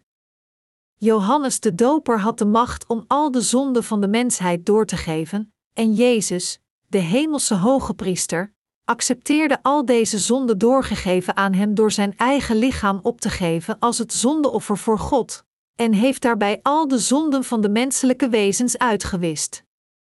Matthäus 3 uur 15 zegt: Laat mij thans geworden, want al dus betaamt het ons alle gerechtheid te vervullen. Toen liet hij hem geworden. Jezus werd gedoopt in de rivier de Jordaan, de rivier van de dood. Dopen betekent het doorgeven van, ondergedompeld worden, te reinigen, te begraven, te overbrengen, en het heeft dezelfde betekenis als in het Oude Testament het opleggen van handen. Als zonden werden doorgegeven aan het brandoffer toen handen werden gelegd op zijn hoofd, al onze zonden werden doorgegeven aan Jezus toen Johannes de Doper hem doopte. Met andere woorden, het was omdat al de zonden van de mensheid werden doorgegeven aan Jezus dat hij werd begraven plaatsvervangend als het zondeoffer in onze plaats en werd veroordeeld. Het ritueel door welke Jezus dus al de zonden van de mensheid van Johannes accepteerde is het doopsel. Dat Jezus naar deze aarde kwam, en werd gedoopt was om heel de gerechtigheid van de mensheid te vervullen en om de zonde van alle menselijke wezens te vergeven zonder uitzonderingen. Werd Jezus gedoopt omdat hij nederig was? Dat was nooit de reden. Jezus zei tegen Johannes: Laat het nu maar gebeuren. Omdat Jezus naar deze wereld kwam om de zonden van de mensheid op zichzelf te nemen, zei hij: u zult zonde aan mij doorgeven en ik zal ze accepteren, want het is mijn opdracht om de zondebok te worden voor uw aangezicht en daardoor uw zonden te vergeven. Door onze zonden zijn wij verbonden met de hel, gekweld en bedrogen door Satan, maar Jezus kwam om zulke mensen als ons te bevrijden, om ons rechtvaardig te maken en ons in Gods kinderen te veranderen. Toen Jezus gedoopt werd en uit het water kwam, daalde de Heilige Geest neer als een duif en getuigde dat hij de Zoon van God was. De Heilige Geest is degene die getuigenis droeg, wat betekent dat God zelf getuigde dat zijn Zoon Jezus al de zonden van de mensheid accepteerde door zijn doopsel. Omdat de zonden van de mensheid werkelijk werden doorgegeven aan Jezus, vertelt God ons dat we zondeloos zijn. Als Jezus niet onze zonden had weggenomen toen Hij naar de aarde kwam, zouden we nog steeds zondaars zijn, ongeacht hoe vurig we in Hem geloven. Door al onze zonden uit te wissen, vertelt God aan ons: Stel uw vertrouwen op de Heer Jezus en gij zult behouden worden, gij en uw huis. Handelingen 16 uur 31. Het is door te geloven dat we het eeuwige leven ontvangen. Johannes 1 uur 29 zegt: De volgende dag zag hij Jezus tot zich komen en zeide: Zie, het Lam Gods, dat de zonde der wereld wegneemt. Johannes de Doper bleef continu roepen naar de mensen dat al de zonden werden doorgegeven aan Jezus door zijn doopsel. Het is niemand anders dan Johannes de Doper die riep: Hij is de Zoon van God, het Lam van God die de zonde van de wereld wegnam. Wat is de zonde van de wereld? Jezus nam de zonde van de wereld weg. Jezus nam ze weg door te worden gedoopt. Hebbende dus de zonden van de mensheid gedragen met zijn doopsel, moest Jezus zijn leven opgeven aan het kruis. Jezus nam al de zonden van de wereld op zichzelf. Door zijn doopsel nam hij de zonden van onze eigen vaders en moeders eveneens, zijn zij, ook, de mensen van de wereld. Al de zonden die we begaan door ons hele leven, inclusief de zonden die we begaan zonder ons dat te realiseren, zijn de zonden van de wereld. Deze zonden werden eveneens doorgegeven aan Jezus door Johannes de Doper. De zonden die we begingen in onze tienerjaren zijn eveneens de zonden van de wereld, en zo zijn deze zonden eveneens doorgegeven aan Jezus. Jezus nam niet alleen de zonden van een paar speciale mensen weg, maar hij nam al de zonden van ieder menselijk wezen weg. Maar alleen diegenen die in deze waarheid geloven, dat Jezus onze zoden accepteerde door Johannes de Doper en ze allemaal heeft vergeven, zijn gered. Als we niet in dit geloven, kunnen we niet anders dan in de hel worden gegooid door dit ongeloof. De poort van de hemel is reeds geopend een lange tijd geleden, maar als onze harten nog steeds niet geloven in de waarheid, kunnen we niet worden gered. Mensen gaan naar de hel omdat zij niet geloven in de waarheid van het water en de geest, en omdat zij het niet weten. Jezus nam al onze zonden van de wereld weg. Al de zonden die we hebben begaan, of in onze kinderjaren, of in onze tienerjaren, of in onze volwassenheid, zijn de zonden van de wereld, en zij waren daarom allemaal doorgegeven aan Jezus. Jezus is de Zoon van God die iedere en elke van onze zonden op zichzelf nam, zonder ze te splitsen in de oorspronkelijke en persoonlijke zonden. Zijn de zonden die we begaan in het midden van ons leven en oudere jaren niet ook de zonden van de wereld? Dit zijn ook de zonden die we begaan in deze wereld, en zo nam Jezus deze zonden ook op zich. Omdat Zijn liefde eeuwig en onmetelijk is, heeft Jezus niet onze zonden gescheiden in oorspronkelijke en persoonlijke zonden, maar accepteerde ze allemaal door zijn doopsel. Als Jezus aan het kruis gestorven was zonder eerst gedoopt te worden toen hij naar deze aarde kwam, dan zou zijn dood nutteloos zijn geweest. Dat we in de Heer geloofden en voor zijn wil werken zou eveneens nutteloos zijn geweest. Waren de zonden van onze eigen kinderen aan Jezus doorgegeven? Laat het ons controleren. Als je vrijgezel bent maar gaat trouwen en kinderen krijgt, zijn de zonden van uw kinderen eveneens de zonden van de wereld, en daardoor zijn ze, ook, doorgegeven aan Jezus. De zonden van onze kleinkinderen en van hun afstammelingen zijn eveneens aan Jezus doorgegeven, en Jezus heeft boete gedaan voor al deze zonden. De zwakheid van de mensheid zijn eveneens de zonden van de wereld. Echter, Jezus nam deze zonden op zichzelf door zijn doopsel en zijn bloedvergieten aan het kruis. Jezus zei in Johannes 8 uur 32, En gij zult de waarheid verstaan, en de waarheid zal u vrijmaken. En het is waar. Mensen die de sabbat alleen zien als een zaak van doctrines van bijzonder onderwijs en geloven dat alhoewel Jezus onze oorspronkelijke zonde wegnam en zij nog steeds berouw hebben van hun dagelijkse zonden, kunnen niet anders dan doorgaan met het meer zondig worden. Alhoewel zij proberen om volgens het woord van God te leven en goede daden te doen, hoe meer ze proberen, hoe moeilijker het wordt voor hen om zich toe te wijden. Ze kunnen zelf realiseren dat zij nog meer zondig worden voor God. In Jezus Christus zijn ze al met Hem gestorven voor onze zonden, en we zijn eveneens in Hem levend geworden. Er is niets anders dat u en ik hoeven te doen om te worden gered door te geloven in Jezus, de Verlosser van zondaars die alle zonden op zichzelf nam door zijn doopsel, droeg de zonde van de wereld naar het kruis en stierf aan het. Gelovend in deze waarheid, het evangelie van het water en de geest, is de weg om het eeuwige leven te ontvangen.